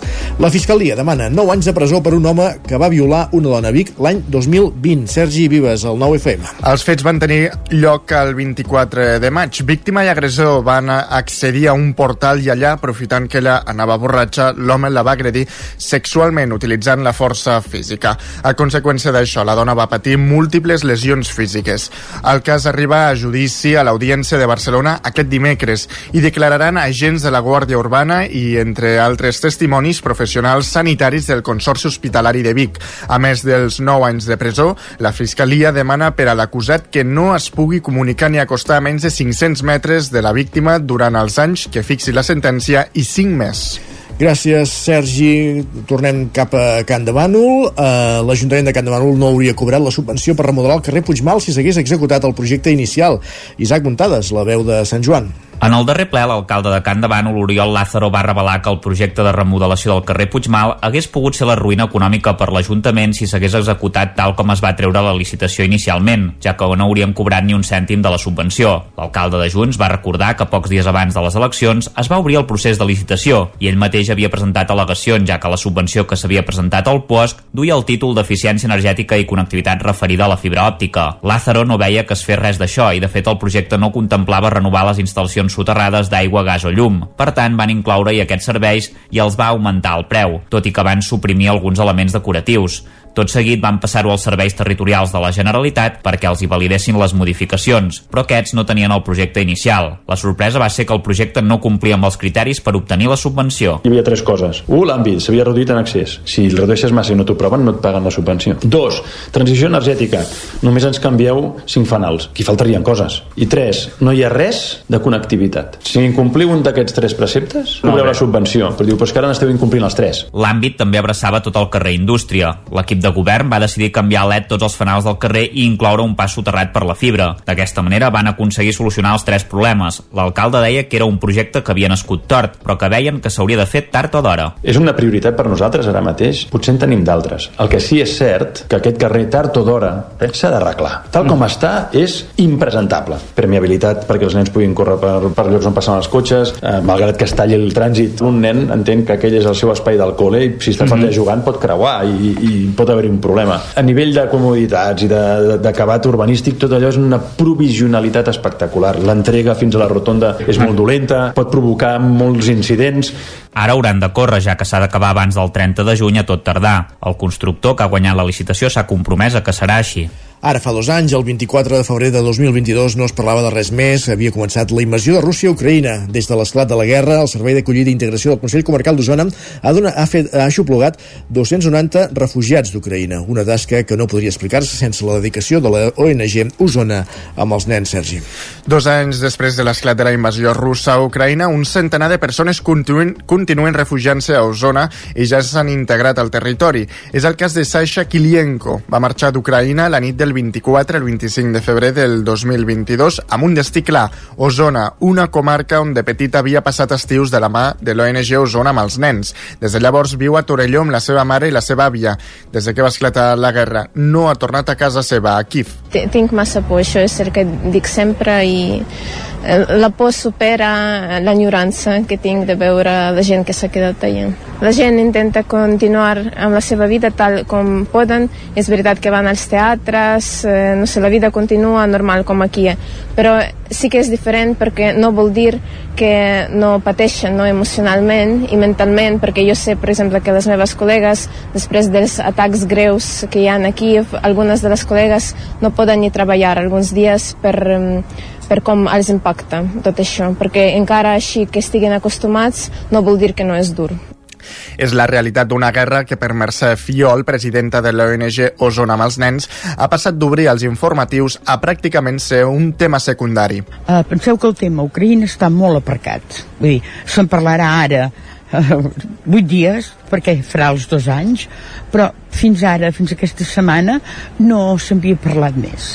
Des de l'esclat de la guerra, el Servei d'Acollida i Integració del Consell Comarcal ha donat aixopluc a 290 persones refugiades d'Ucraïna. Centrats ara en feines d'acompanyament, des del Consell Comarcal asseguren que la porta està oberta pel que pugui passar el conflicte. I a Osona també hi ha refugiats que van arribar a través d'un altre programa, a través de l'oferiment que el Centre de Recerca, el Centre Tecnològic Beta de la Universitat de Vic, va fer adreçat a investigadors. Galina Riabuka va ser una de les investigadores ucraïneses que va respondre a l'oferiment seguiment que el Centre de Recerca Beta de la Universitat de Vic va fer a través de les xarxes socials quan va esclatar el conflicte ara fa dos anys. Quan va arribar no s'esperava quedar-s'hi tant de temps. Ella és economista i s'ha especialitzat en la gestió de projectes dins el catàleg en què treballa el Centre de Recerca de la UBIC i des d'on s'han implicat amb el projecte Science for UACRIN. A l'inici de la guerra se'n parlava molt a les ràdios, als diaris i a les televisions. Es parlava molt d'Ucraïna, però ha passat molt temps. Dos anys és molt temps i ja no se'n parla tant, però la gent continua sent conscient de quina és la situació. Sí que és veritat que no parlar-ne fa que la gent se n'oblidi i no tan sovint ens pregunten com estem, com passava al principi. Tot i així, continuem tenint molt suport i trobem ajuda en tot el que necessitem. Tothom entén que és un gran problema, no només d'Ucraïna, sinó del món sencer. Albert Palou, responsable de Relacions Institucionals del Centre Beta de la UBIC, explica com va començar aquest projecte. El que inicialment havia de ser una oferta per a una persona es va acabar convertint en l'arribada de, de 8 persones que van estar eh, d'entrada eh, temporalment amb el, formant part del nostre equip en les condicions eh, exactament iguals amb les que acostumem a rebre cada any eh, molts investigadors. Aquí la dinàmica normal és que vingui gent a fer estades de recerca, doncs volíem tractar-ho amb la mateixa naturalitat dintre de tot el context que vinguessin a, a formar part del nostre equip un temps per aprendre i per aprendre nosaltres d'ells. Ria Buca se sent ben acollida a la comarca i viu a Tona amb el seu home i els seus fills. Tot i això, està pendent dels seus familiars i amics. La investigadora confia poder tornar aviat per veure els seus pares, però creu que ara mateix és impossible. Obrim plana cultural perquè una quarantena de visitants s'endinsen al taller de l'escultor Ferran Capdevila de Vigues i Riells del Fai, al Vallès Oriental, Roger Ram, zona codinenca. Exacte, l'escultor Ferran Capdevila de Vigues i Riells ha protagonitzat aquest dissabte una jornada de portes obertes al seu taller ubicat a la Masia del Rull, als peus dels cingles de Bertí. Aquesta activitat organitzada per l'Ajuntament està enmarcada en una iniciativa per fomentar i donar a conèixer els artistes locals a través d'un calendari temàtic. L'acte ha plegat, com dèiem, una quarantena de persones que han pogut gaudir de bona part de l'obra de Capdevila i s'han pogut endinsar en el seu espai de treball. Capdevila explica que la seva creació és constant, ja que cerca la inspiració en la natura cultura.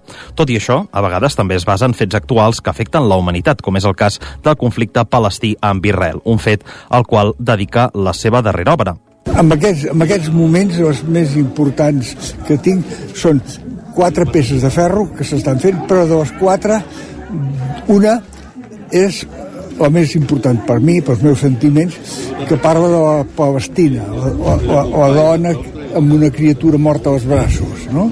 I aquesta peça no està acabada, però està aquí que es pot veure i es pot donar a entendre eh, el ferro si el domines i, i, i, i el coneixes, doncs donen, donen unes expressions molt fortes. L'alcalde de Vigues i Riell, Joan Galiano, també present en aquest acte, defineix la figura de Capdevila com a capdalt en el panorama artístic del municipi i el situa com un dels grans noms.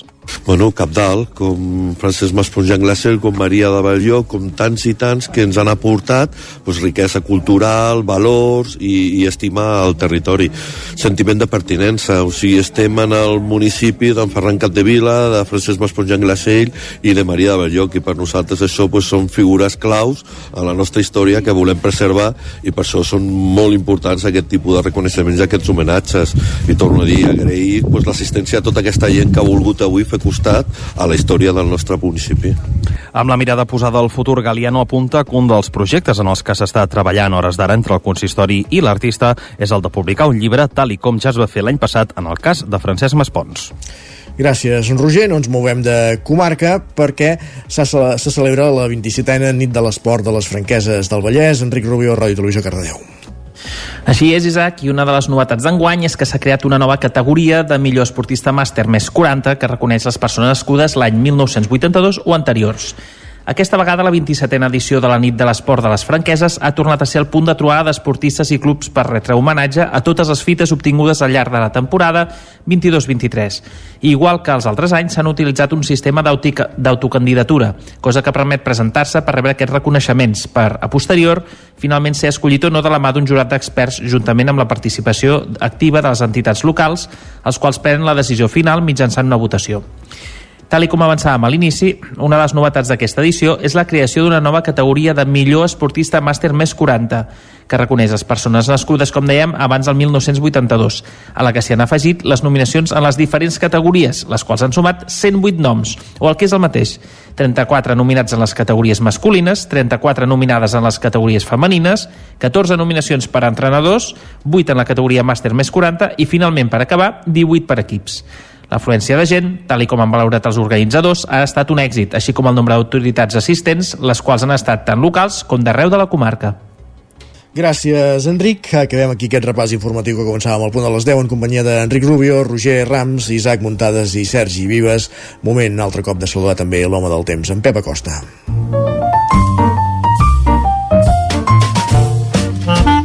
Casa Terradellos us ofereix el temps.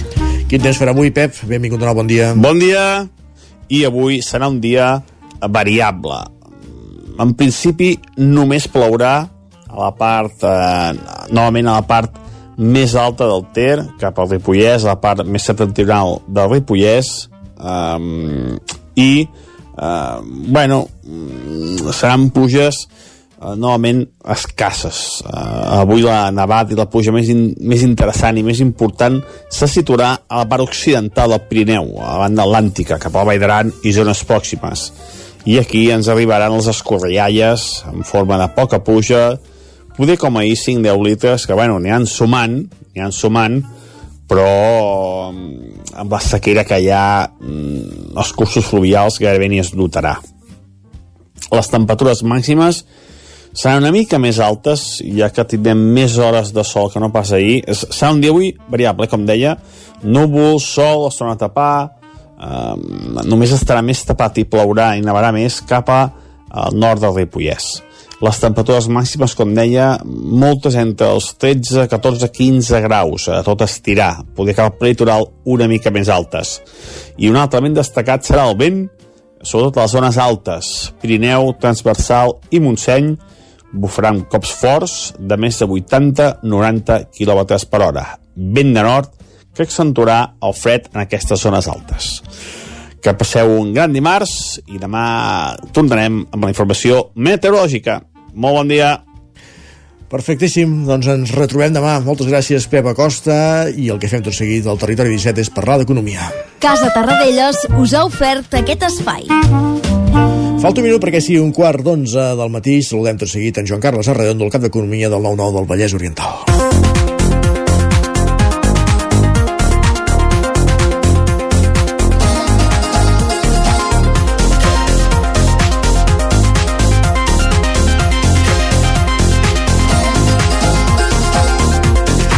Temps per l'economia. Avui volem saber qui hi ha rere la multa que la Comissió Nacional del Mercat de la Competència li imposarà a Booking i ens hi ho explicarà, ens hi posarà llum en Joan Carles Arredondo, com cada setmana a aquesta hora, per parlar d'economia al Territori 17. Joan Carles, benvingut, bon dia. Bon dia. Doncs sí, com dius, el portal de reserves Booking s'enfronta de fet a la màxima sanció que mai ha imposat aquesta Comissió Nacional de Mercats i Competència CNMC per, pels amics eh, i, i en el successiu probablement en direm la comissió i, i així ens entenem eh?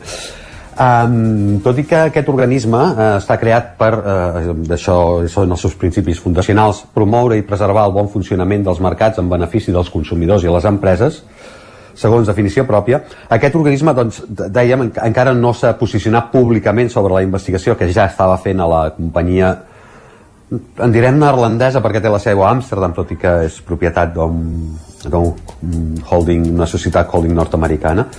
Eh, doncs això, eh? portava investigant-la des de l'octubre del 2022, però això, eh? la comissió no s'ha posicionat, però el compte de resultats de Booking ja dona alguna pista sobre la dimensió inèdita, de fet, de, de la multa. 486 milions d'euros, 530 milions de dòlars, perquè ho diem en dòlars, després ho, ho explicarem. Uh, la multinacional, o mireu, fe, fe, fem-ho ara, doncs. Uh, la multinacional ja ha provisionat aquests diners eh, en, els seus, en els seus comptes de, de resultats, presenta unes pèrdues concretament de 530 milions de dòlars, és a dir que probablement l'exercici hauria acabat equilibrat si no fos perquè ha hagut de posar ja els diners, eh, de, de, de, de, de guardar eh, els diners que suposadament eh, li costarà aquesta multa. Eh, ho fa, tot i que avança eh, que presentarà recurs contra la mesura així que es doni a conèixer es donarà a conèixer aproximadament cap al juliol perquè la investigació que va obrir la Comissió Nacional el, va, va ser a l'octubre i deien que um, emetrien el seu resultat en 18 mesos i els 18 mesos els fa més o menys al juliol anem, anem una mica més, a, més, a, més al que és concret no? la, la, les pràctiques que porta a terme el portal de reserves hoteleres que probablement sigui el més popular a l'Estat eh, deuen ser molt greus perquè si els imposi una multa d'aquesta quantitat Eh, la, la Comissió Nacional del Mercat i Competent, de, dels Mercats i la Competència no em va donar gaire detalls mm, i encara va ser menys aclaridors quan el 2022 exposava els motius de la investigació contra Booking. Deia eh, que la plataforma de viatges estaria posant unes condicions inequit, in, no, no sabré dir, eh? inequitatives, eh? Eh, és a dir, desiguals, sí. als hotels espanyols que faria pràctiques que explotarien la situació de dependència econòmica dels hotels situats a Espanya i estarien afectant els serveis d'intermediació d'altres agències de viatges en línia, aquests serveis d'intermediació que aquestes agències fan a hotels. El llenguatge críptic de la comissió arriba a parlar de pràctiques que haurien pogut tenir efectes exclusionaris sobre les altres agències de viatges en línia. També, eh, diguem-ne que el llenguatge se les porta. Sí i de fet es tradueix en poques concrecions. Se sap que la investigació parteix d'una denúncia que va fer respectivament l'Associació Espanyola de Directors d'Hotel, per una banda, i l'Associació Empresarial Hotelera de Madrid per l'altra.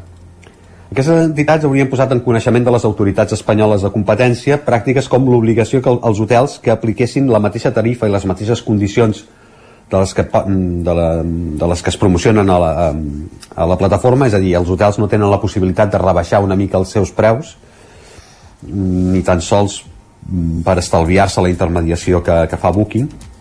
Uh -huh. I Booking, a més, eh, s'atorgava la possibilitat de controlar eh, la, la possibilitat de modificar unilateralment les condicions de reserva, cancel·lació i reemborsament a cada establiment. És a dir, que gairebé li estava dient en els hotels eh, en el seu departament de comptabilitat surti d'aquí que ja m'hi poso jo no? una mica gràficament seria això aquestes pràctiques unides a la comissió que la plataforma cobra als establiments aquesta comissió no està inclosa en la, en la investigació que ha fet la comissió eh?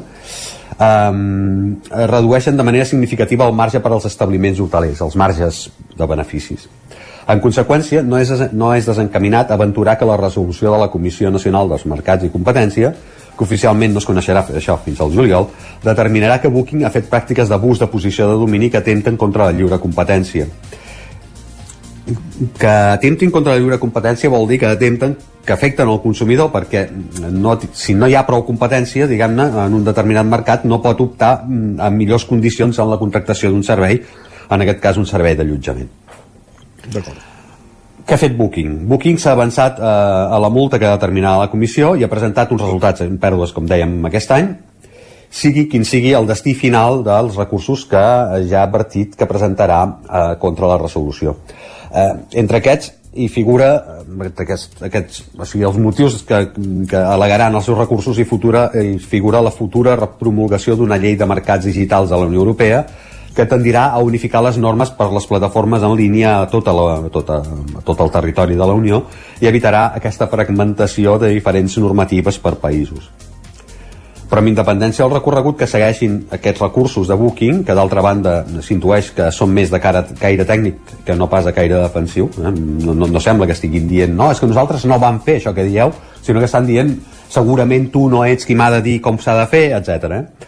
Doncs eh, això, mm, dèiem que, mm, que amb independència d'aquests recursos, del camí que segueixen aquests recursos, és interessant posar el focus en la gravetat de les pràctiques que està portant a terme, almenys pel que fa al mercat espanyol. Com dèiem al principi, eh, mai la comissió de, aquesta comissió dels mercats eh, nacionals dels mercats i la competència havia imposat una multa tan elevada ni tan sols a les sis grans constructores espanyoles a les quals s'acusava d'alterar els processos d'adjudicació d'obres públiques, eh? no, no, no, no, no, no era un afer privat d'obra pública, que, que això ho, hauria, ho haurien fet més d'una dècada. Llavors van ser 203 milions d'euros, que també déu nhi Sí.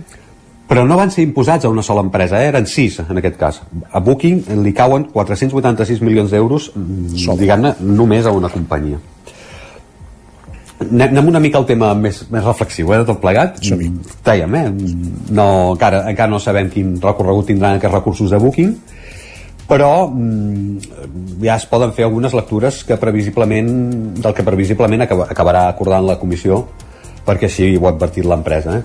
Uh, la, la primera és que seria d'agrair que una entitat com la Comissió Nacional dels Mercats i les Competències sorgides per defensar els interessos dels consumidors utilitzés un llenguatge més entenedor a l'hora d'explicar els motius pels quals s'obren expedients sancionadors a les empreses diguem-ne eh, això podríem dir en primera persona eh? eh si no som capaços ni d'entendre què, què, què, què és el que ens està fent mal d'una pràctica d'una empresa eh, doncs és diguem-ne que eh, jo, jo sento que no estic defensat com a consumidor si no entenc de què m'estan defensant no? Exacte. i per tant estaria bé que utilitzessin un llenguatge més clar i, i sobretot ambigu, posessin sí, exemples eh? Mm -hmm.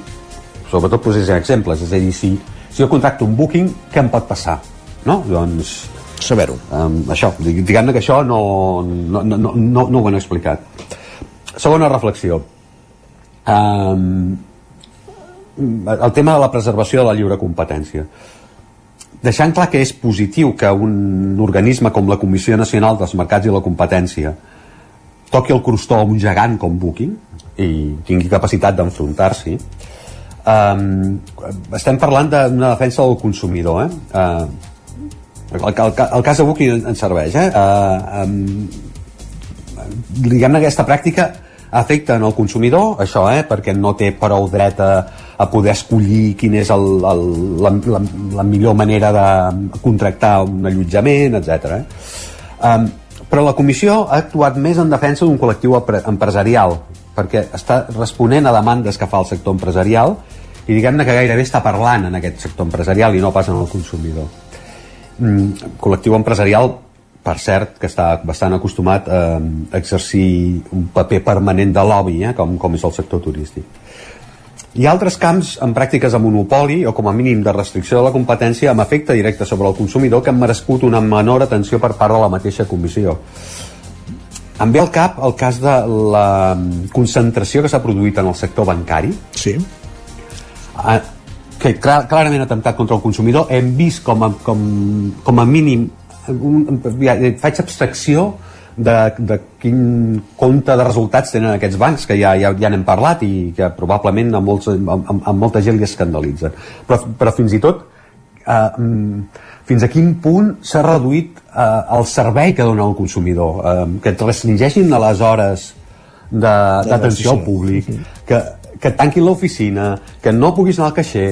Mm, per cert, ahir vam fer una aturada, els els sí. treballadors del sector bancari, que aquestes aturades les van fer en els horaris d'atenció al públic que, que dius, eh, no, no, amb les poques hores que teniu al públic de la vostra jornada laboral és aquí on heu de concentrar les vostres protestes a mi em sembla molt mal servei al consumidor És la manera, Però, és la manera de la fer que- visible la protesta, segurament, també, no? ja, però, però no sé, que afectin a la seva empresa i no als sí, sí. consumidors. Que de fet- és que ahir em vaig escandalitzar una mica per això, jo I- m'escandalitzo, i- i encara, recla- encara aquesta edat. Reclamen, eh, reclamen un augment salarial en consonància amb els beneficis de les empreses bancàries. Vull dir que déu nhi eh, efectivament, també. efectivament, sí, sí, sí, sí. Tots els bueno, què dèiem? Va, què més? Uh, sí, el, el, deia, el que dèiem, eh? en, en nom d'aquesta restricció de, de la competència es poden aplicar, dèiem això, eh, als bancs, o també en la situació gairebé monopolística que, que hi ha en el sector energètic. Una última reflexió que, que, que em sembla que, que se'ns acaba el temps. Um, Booking representa una forma econòmica, aquesta economia de plataformes, que suposadament havien d'aconseguir democratitzar la relació entre empreses que ofereixen un servei i els consumidors finals.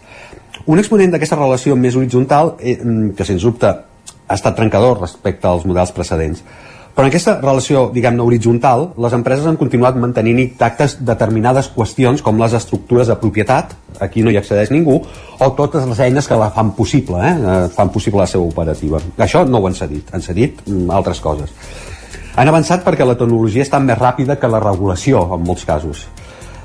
Però ens porta a pensar que aquestes noves economies tenen els vells tics eh, de, d'això, de, de, de, de, de no donar cap accés a les estructures de propietat, a les estructures tecnològiques i sobretot el vell tic de maximitzar el benefici moltes vegades a costa del consumidor. Claríssim. Eh, és, és nou perquè és digital, però les inèrcies són les, de, les que ja coneixíem, segurament. Efectivament, així és.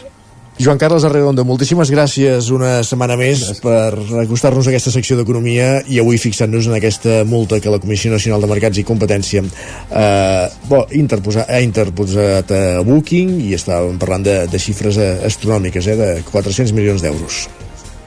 486. Gràcies a vosaltres, bon dia. Fins la propera. Uh, bueno, Joan Carles Arredondo, arribem a la pausa, fem una pausa tot seguit, seran res, 3 minutets, però tornem de seguida al Territori 17 amb el més destacat que hem trobat a Twitter i després amb el racó de pensar, la secció que el Territori Podcast de cada dimarts amb la Maria López i avui parlant de la fama sobtada. Aquí, al Territori 17. 3 minuts i tornem. El nou FM, la ràdio de casa, al 92.8. La qualitat de les teves impressions és important per tu? Estàs cansat que els colors i les imatges no surtin com t'esperes?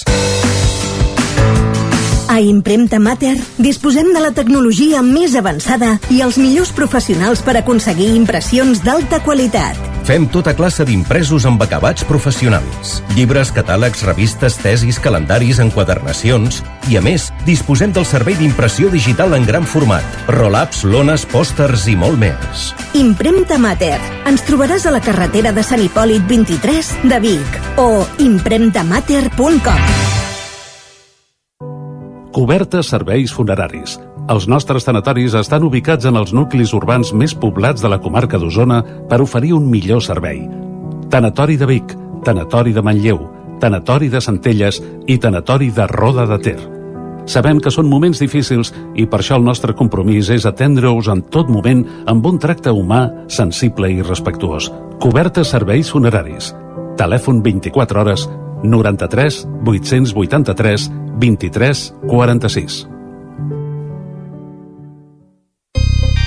L'infopodcast del 9-9 amb Sílvia Pedret. Cada dia et donem les claus de les notícies més rellevants de casa nostra. Vivim en una comarca que s'està demostrant pionera en transició. Desperta't cada dia amb l'infopodcast del 9-9. Aquesta setmana tornen a ser notícia els pantans perquè han baixat... El trobaràs a dos quarts de vuit del matí al 99.cat, Spotify, iVox i, si ho vols, te l'enviem directament al mòbil. Subscriu-te als canals de WhatsApp i Telegram del 99. Soc Sílvia Pedret. Comencem. T'imagines un programa de política, d'economia, feina... Doncs ja te'n pots oblidar. Quin tinglado! Un programa d'entreteniment, actualitat, cultura i molt rigorós. Amb Bada Serrat, Miquel Giol i Eudal Puig. Un programa que no passarà a la història i que tampoc guanyarà cap ondes. No ens flipem. Escolta'l cada dijous en directe de 8 a 9 del vespre al 9 FM. Ai, ai, ai, quin tinglado! Territori 17. El nou FM 7. Som l'espai comunicatiu format per les comarques d'Osona, el Lluçanès, el Moianès, el Ripollès i el Vallès Oriental. Enric Rubio, Ràdio Televisió, Cardedeu. Bon dia al grup. Cada matí, de 9 a 11, al 9 Roger FM. Zona codinenca. De la sanitat pública. L'actualitat de les nostres comarques i tot el has de saber abans de sortir de casa. Isaac Muntades, la veu de Sant Joan. de setmana, Sant Joan. Cada matí, el nostre home Territori del temps. 17. Avui contents. Anuncia't al 9FM. La màquina de casa. 9 3 8 8 9 4 9 4 9 Publicitat arroba al 9FM.cat. Anuncia't al 9FM. La publicitat més eficaç. En punt, dos quarts d'onze, al territori 17. Territori 17.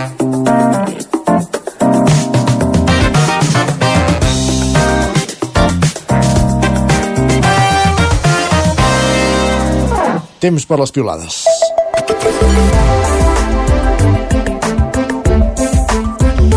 En companyia de la Natàlia Peix, benvinguda, bon dia. Hola, bon dia. Què hem trobat a, a X? Doncs des d'ahir ja ho sabeu, segurament hi ha en marxa a Barcelona el Mobile World Congress Sí. aquest 2024. D'entrada una mica d'informació, ens la porta la periodista Chantal Llavina. Què diu? Diu, l'ecosistema digital català aglutina 20.000 empreses i dona feina a 185.000 persones. Avui el Mobile World Congress ha arrencat més ple que mai a Barcelona. I el també periodista Albert Cuesta es fixa en la sensibilitat pel català d'una de les marques presents al Congrés. Aviam. Uh, podem dir la marca, suposo. És Xiaomi, Sí. uh, amb el lema Una lent de llegenda, aquesta és la fotografia que posa l'Albert Cuesta, i diu una marca xinesa anunciant-se en català al metro, pel mobile, a moltes empreses cosmopolites d'aquí, tecnològiques o no, els hauria de caure la cara de vergonya. Ens assumem a la- a l'aportació que fa l'Albert Cuesta. Esclar que sí. També hi ha efectes col·laterals del mobile. En Joel Díaz hi posa humor. Aviam. Diu, barcelonins, recordeu que aquests dies tots formem part de la Trezzo.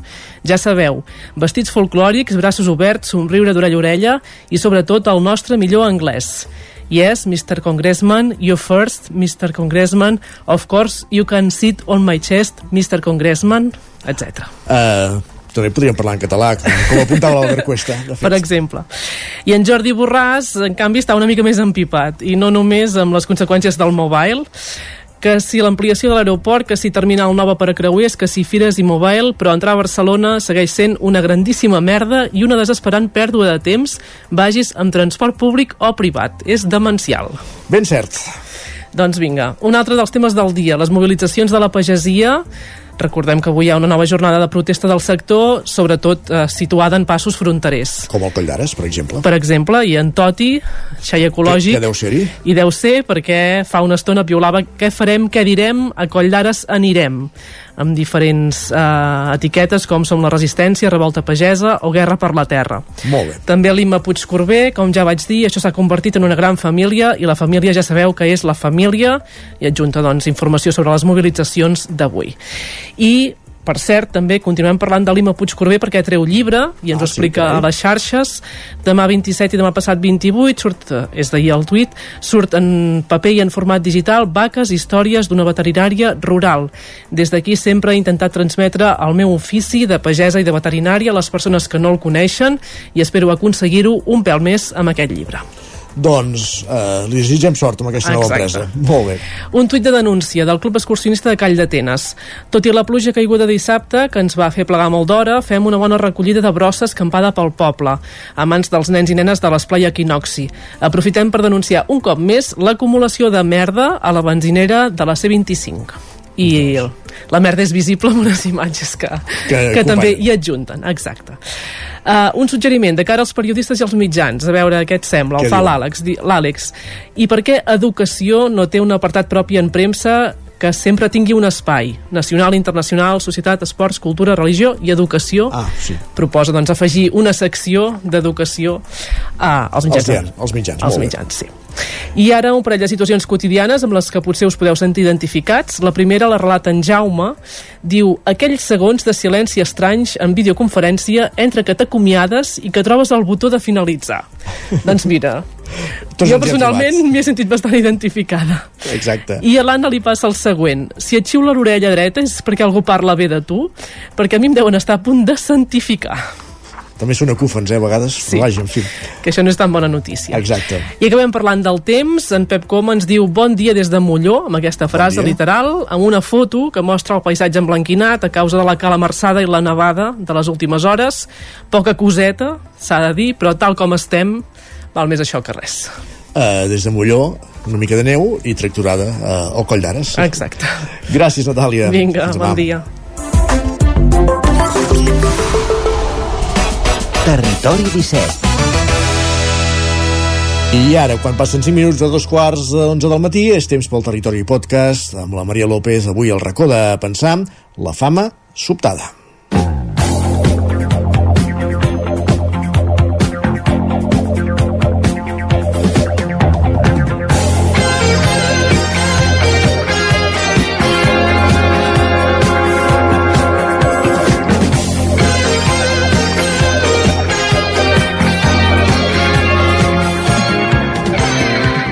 Tot just unes setmanes culminava una nova edició del talent show Operación Triunfo, una edició que, segons xifres d'Amazon Prime, ha suposat una audiència de 3,5 milions de dispositius únics. Aquests dies, de fet, es posa en marxa també la tercera edició d'Eufòria, el talent show musical del 3CAT, i fa només dos mesos finalitzava la primera edició de La Voz All Stars. Aquesta mateixa casa, de fet, hem viscut en primera persona l'èxit d'aquest tipus de format amb objectiu Paqui, que es va arribar a emetre per més de 40 televisions locals. Regles del joc diferents entre uns formats i altres, però al final ingredients que es repeteixen. Persones que volen dedicar-se a la música i que competeixen entre elles per demostrar que mereixen un lloc al panorama de la indústria musical. El camí de les persones que es volen dedicar a la música normalment és llarg i costós. Una carrera de fons on s'ha de creure d'una manera molt ferma en allò que fas i creuar també els dits i esperar que algun productor il·luminat et descobreixi. Però quan entres en un talent show la cosa canvia. De la nit al dia formes part de l'Star System i els seguidors comencen a créixer a una velocitat desmesurada.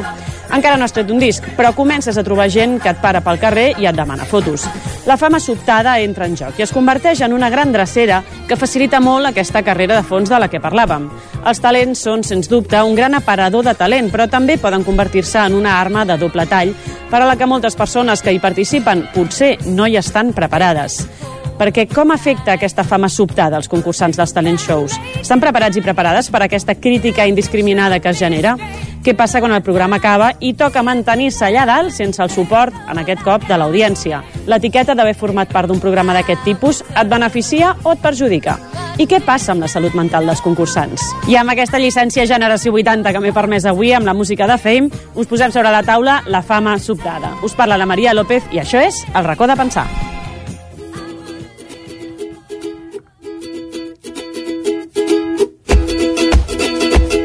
El racó de pensar, des de Ràdio Cardedeu.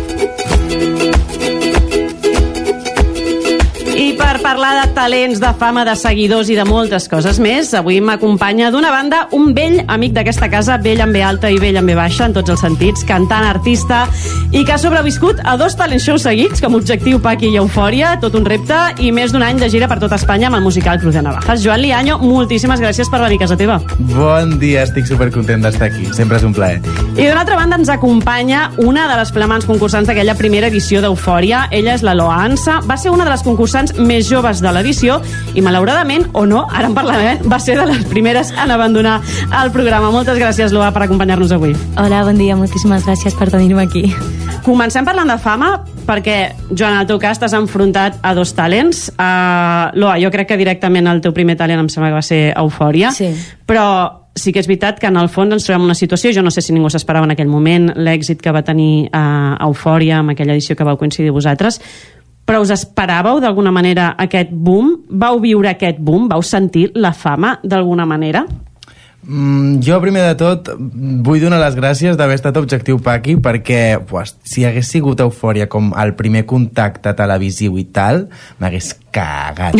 o sigui, Objectiu Paqui per mi va ser com una, molta experiència i ja sabia una mica el que anava, no? Però jo crec que Eufòria va ser... Ningú sabia el, el boom que seria aquella barbaritat. Realment va ser com una barbaritat. Total. Total, total. Jo vaig estar a Idol Kids el 2019, vaig estar a una gala i vaig Mhm. anar a Madrid, vaig cantar i vaig tornar. Llavors, quan em van agafar eufòria, jo no sabia que seria això, pensava que seria més o menys el mateix. O sigui, havia estat a un concurs de cant en el que havia cantat, havia marxat i la meva vida s'havia quedat el mateix. Però jo, jo quan vaig entrar jo crec que, és que no ens esperàvem la magnitud al ser la primera edició, en plan entres de tot, tot de nou i va ser I que no tens ni idea en què es pot compartir, no? Total. A més a més, jo crec que els de l'edició van, van, va passar una cosa molt especial i és que els primers cinc programes eren en diferit.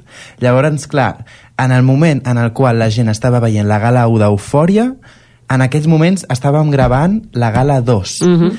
uh, I jo me'n recordo d'estar gravant la gala 2 ens van fer treure els mòbils, en plan, no podíem tenir el mòbil, i me'n recordo que mentre gravàvem la gala 2 estava emitint la 1, i ens va venir un redactor i ens va dir trending topic a Espanya eh, ho està patant la gala 1 de sobte tots els diaris crítiques superpositives i va ser del dia al matí o sigui de com jo vaig acabar de fer la gala 2 vaig sortir amb els meus amics a Granollers a fer un cafè i allà va canviar tot radicalment Què vau notar a nivell de, per exemple, això, no?, de seguidors d'Instagram, que imagino que tots dos éreu usuaris de... Tu eres usuari de les xarxes socials, en el cas de la no la coneixia, però vau notar cada cop un boom de, de seguidors, de follows, de, o, o de que us paressin pel carrer, per exemple? Sí, 100%. Jo no vaig notar més, va ser a les xarxes socials. Eh, a més, era una cosa que jo en aquell moment és com que jo no, no en tenia. O sigui, és com que fas, fas una aparició a la tele, marxes i de cop i volta tens mm, 40 DMs i 200 followers nous i és com que no, no, no, realment és com no entens el, el que està passant i tampoc és que ningú t'hagi preparat per aquest boom perquè tampoc ningú passa, sabia el que anava a passar. Llavors era com, va, va ser com bastant, bastant xocant, jo me'n recordo.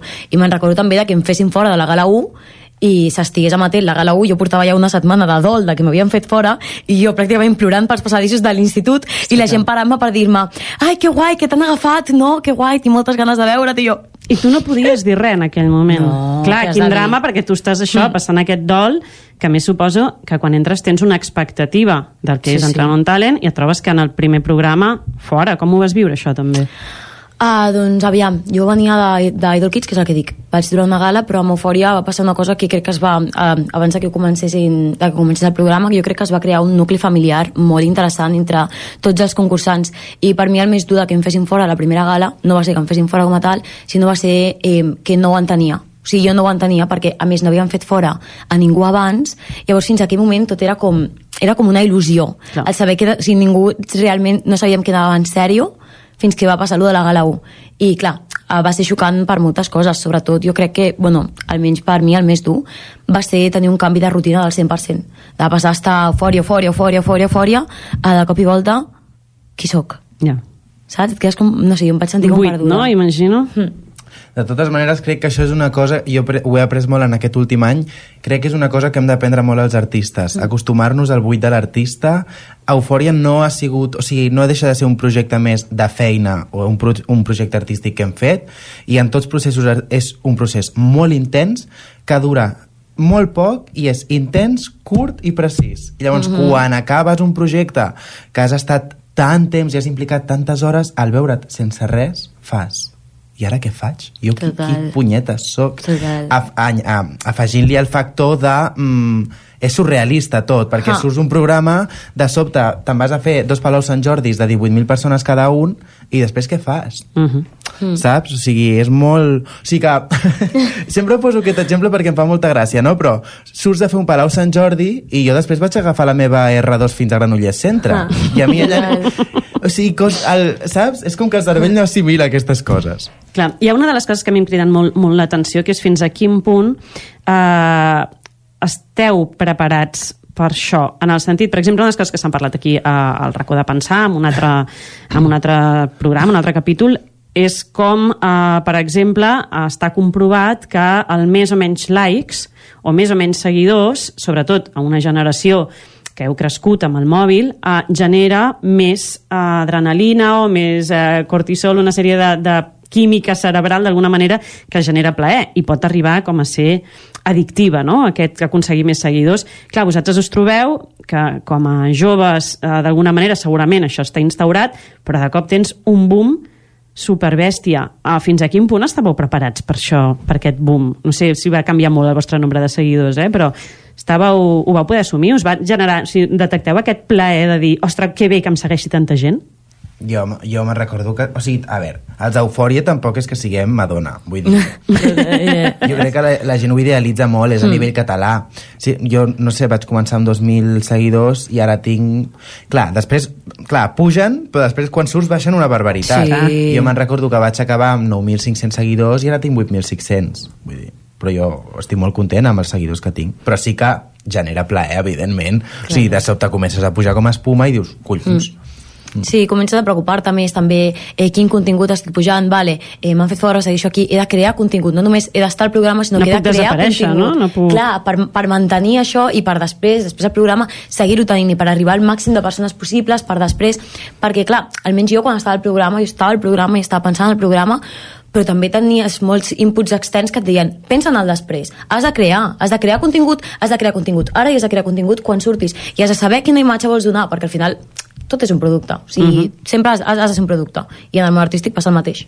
Vosaltres us havíeu arribat a plantejar per mi una de les coses que té el, el talent músic un pot ser de moltes maneres no? I potser una de les coses que dèiem a la intro és que crec que una és potser més una carrera de fons d'anar apostant per la teva música i l'altra és l'opció dels, dels talents quan vosaltres us plantejàveu a entrar en un talent, pensàveu més en fer aquesta drecera en la carrera musical o pensàveu més en la fama?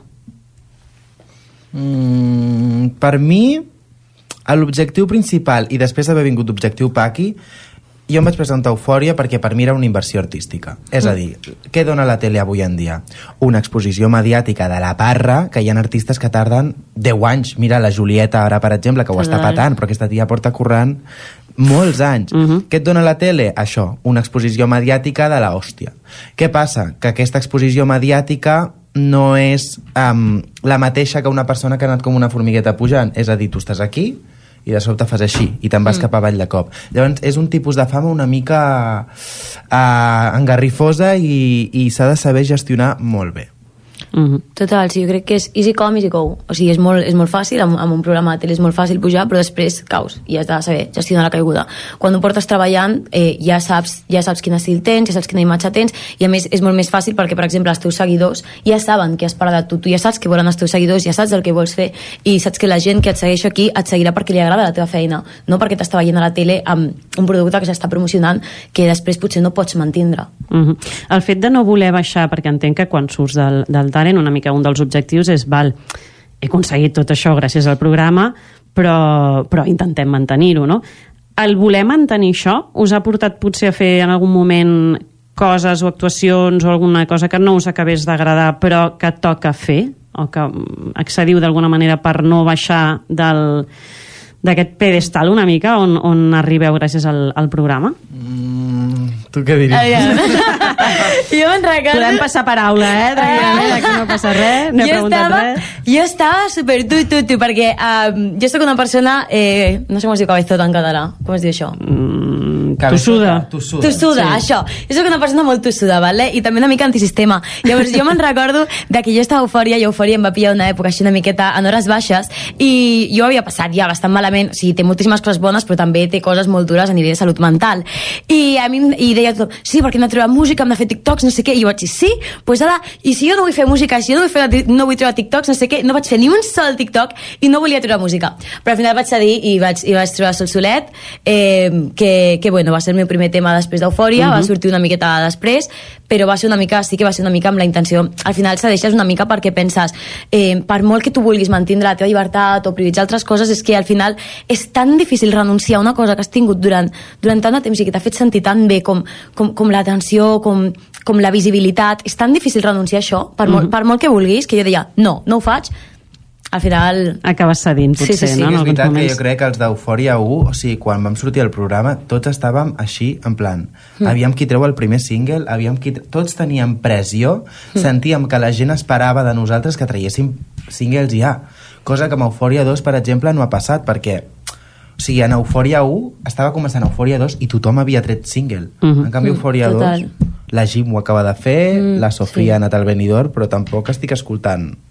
Vull dir que també has de saber-ho aprofitar. O sigui, mm. di tu, acabes de sortir un programa televisiu, espavila. Què fas amb això, no? Clar, a- aprofi aprofitar el tirón, perquè aquest tirón no és infinit. Mm. T'has d'espavilar realment. sí, I ja sí, que has sí. fet una inversió artística, has estat en un programa de tele que té coses molt bones, però també es pateix molt, aprofita la sortida, tio. Una de les, de les coses que, per exemple, és diferent a, a, a Objectiu Paqui o Eufòria respecte a Operació Triunfo és aquest aïllament eh, social mentre dura el, el programa, no?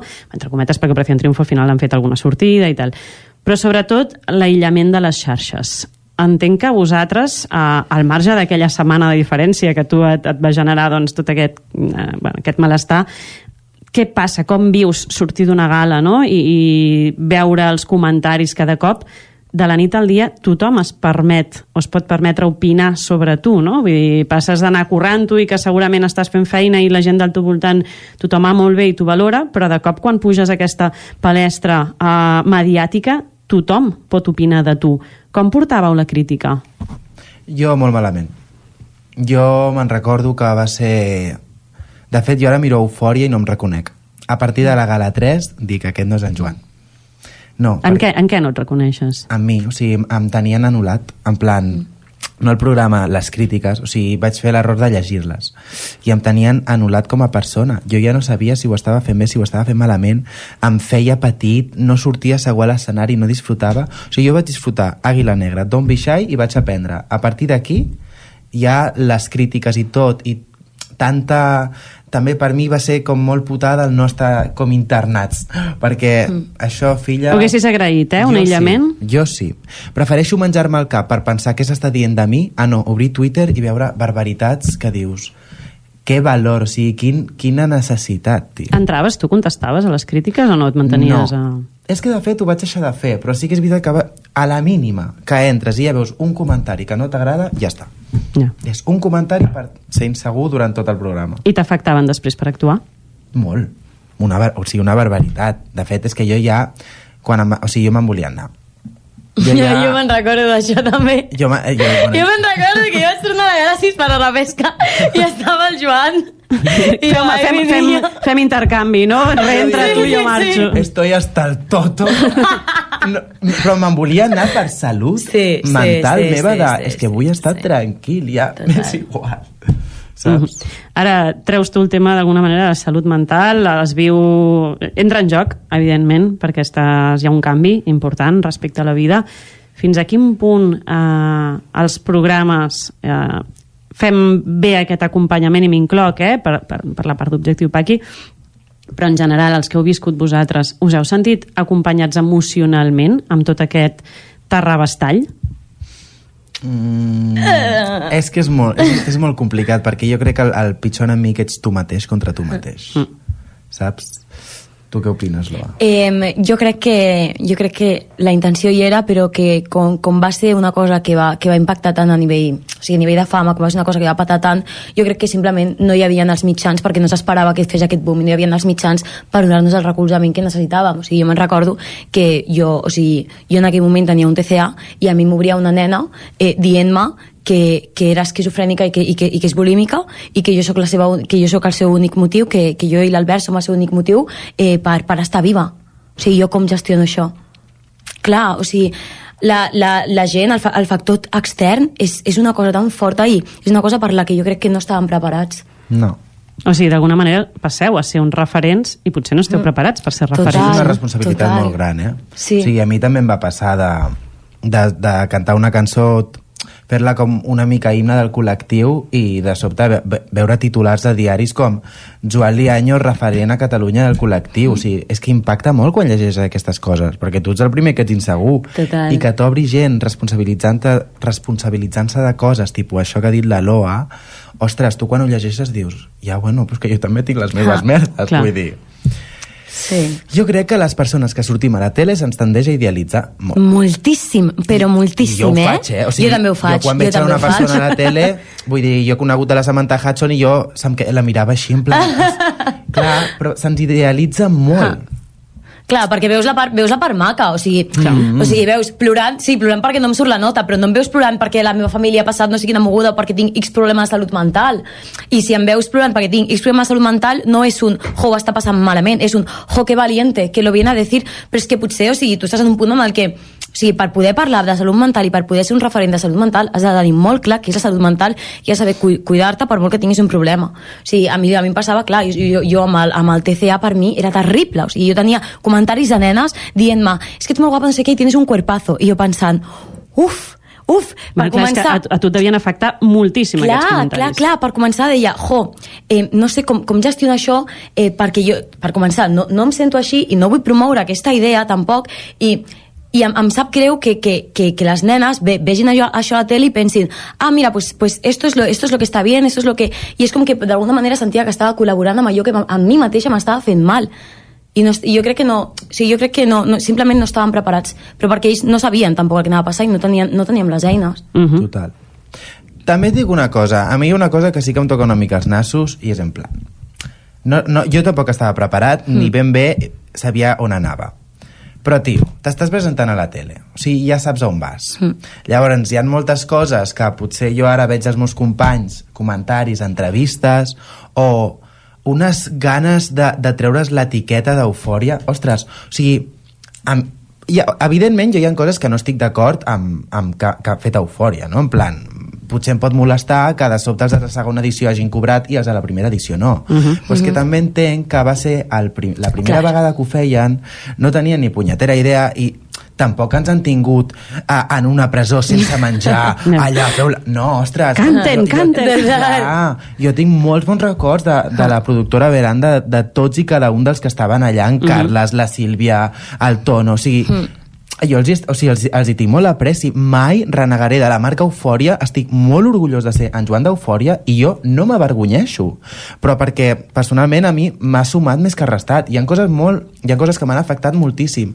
Però crec que també és molt lleig sortir d'un programa, agafar una fama i després vol, vol, voler com treure't aquesta etiqueta avergonyint-te del programa i dient que és un trauma. Clar, no. I a més, tot, o sigui, tot el que tens, ho tens pel programa, Ja perquè està. si no... O sigui, això, és, això és una cosa, és una You would realitat. be at the bottom. O sigui, tot el que he fet ah, després d'Eufòria és per Eufòria. Total. Soc en Joan d'Eufòria. Eh, tothom, Edu Esteve també, l'Escorpio també, la Lau Mm. Givert també, to, el Triquell també. Mm. -hmm. Som d'Eufòria. I tot el que ens ha sortit és perquè ens hem donat a conèixer Eufòria. I no, jo no li trobo la manera d'avergonyir-me d'això. Clar, total. Sí, jo, per exemple, ara m'estava estava parlant, per exemple, de, de lo del TCA i a mi em va, em va afectar molt perquè jo en aquell moment, quan vaig entrar a Eufòria, estava malalta. Però també a mi Eufòria em va ajudar, en molts sentits, perquè jo estava malament, però jo també sortia i veia que el meu cos ser- servia per fer coses que no havia contemplat que podia fer. Mhm. I per mi Eufòria va ser un punt d'inflexió en la meva recuperació, que porto, bueno, gairebé dos anys, bueno, un any i mig o així recuperada. I per mi Eufòria va ser un punt d'inflexió en, en, en, en la meva salut mental també. O sigui, em, em, van, van haver moltes coses que em van fer molt de mal, però alhora vaig conèixer gent superguai, que també trobo que a vegades renegar el programa vol dir renegar totes les persones que has conegut, i jo no canviaria per res. Mm. -hmm. No canviaria per res. I a mi també em va ajudar molt a, nivell, a, a altres nivells. O sigui, hi ha, hi ha coses que, que són durantíssimes i que, i que et poden deixar marcada, però d'aquestes coses pots aprendre i després hi ha moltíssimes altres coses que t'ajuden.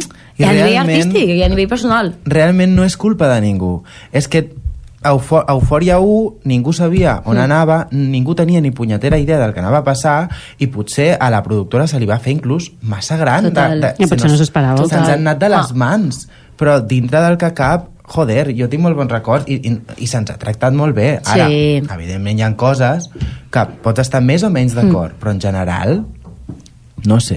Jo Respecte que... a això, les etiquetes, precisament, vull dir que ja has obert el, el, el meló, penseu, no sé en algun moment si penseu això, no? que l'etiqueta eufòria, o si estem d'acord que és una, hi ha una part d'agraïment uh, cap als llocs que, que, pas- que has passat i, i, va, i tu, un objectiu per aquí, per exemple, és dels que sempre l'has portat i l'has pregonat allà on has anat. Vamos. Però no sé si en algun moment heu pensat que... I amb aquestes paraules de la Loa ens arriba de fons la música que ens avisa del final del racó de pensar, però aviso ja, això ha sigut només una primera part. Dimarts vinent, segona part, on seguirem parlant amb en Joan i la Loa sobre la fama sobtada. Així que no, no deixeu de seguir-nos, que de seguida us portarem aquest nou episodi. Gràcies per seguir-nos una setmana més, per acompanyar-nos en aquest raconet tan nostre on sabeu que ens agrada debatre, pensar, qüestionar-nos. Així que gràcies per fer-ho una setmana més i ens retrobem dimarts que ve amb un nou capítol del racó de pensar. Doncs amb el racó de pensar que veiem també el territori 17 d'avui dimarts Dimarts 27 de febrer de 2024 us hem acompanyat des de les 9 del matí Roger Rams, Isaac Montades, Enric Rubio, Pepa Costa, Joan Carles Arredondo, Natàlia Peix, Maria López, Sergi Vigles i Isaac Moreno. I tornem demà a partir de les 9 fins aleshores. Bon dimarts i gràcies per ser-hi. Territori 17, un magazín del 9 FM, Ona Codinenca, Ràdio Cardedeu, Ràdio Vic i La Veu de Sant Joan, amb el suport de la xarxa.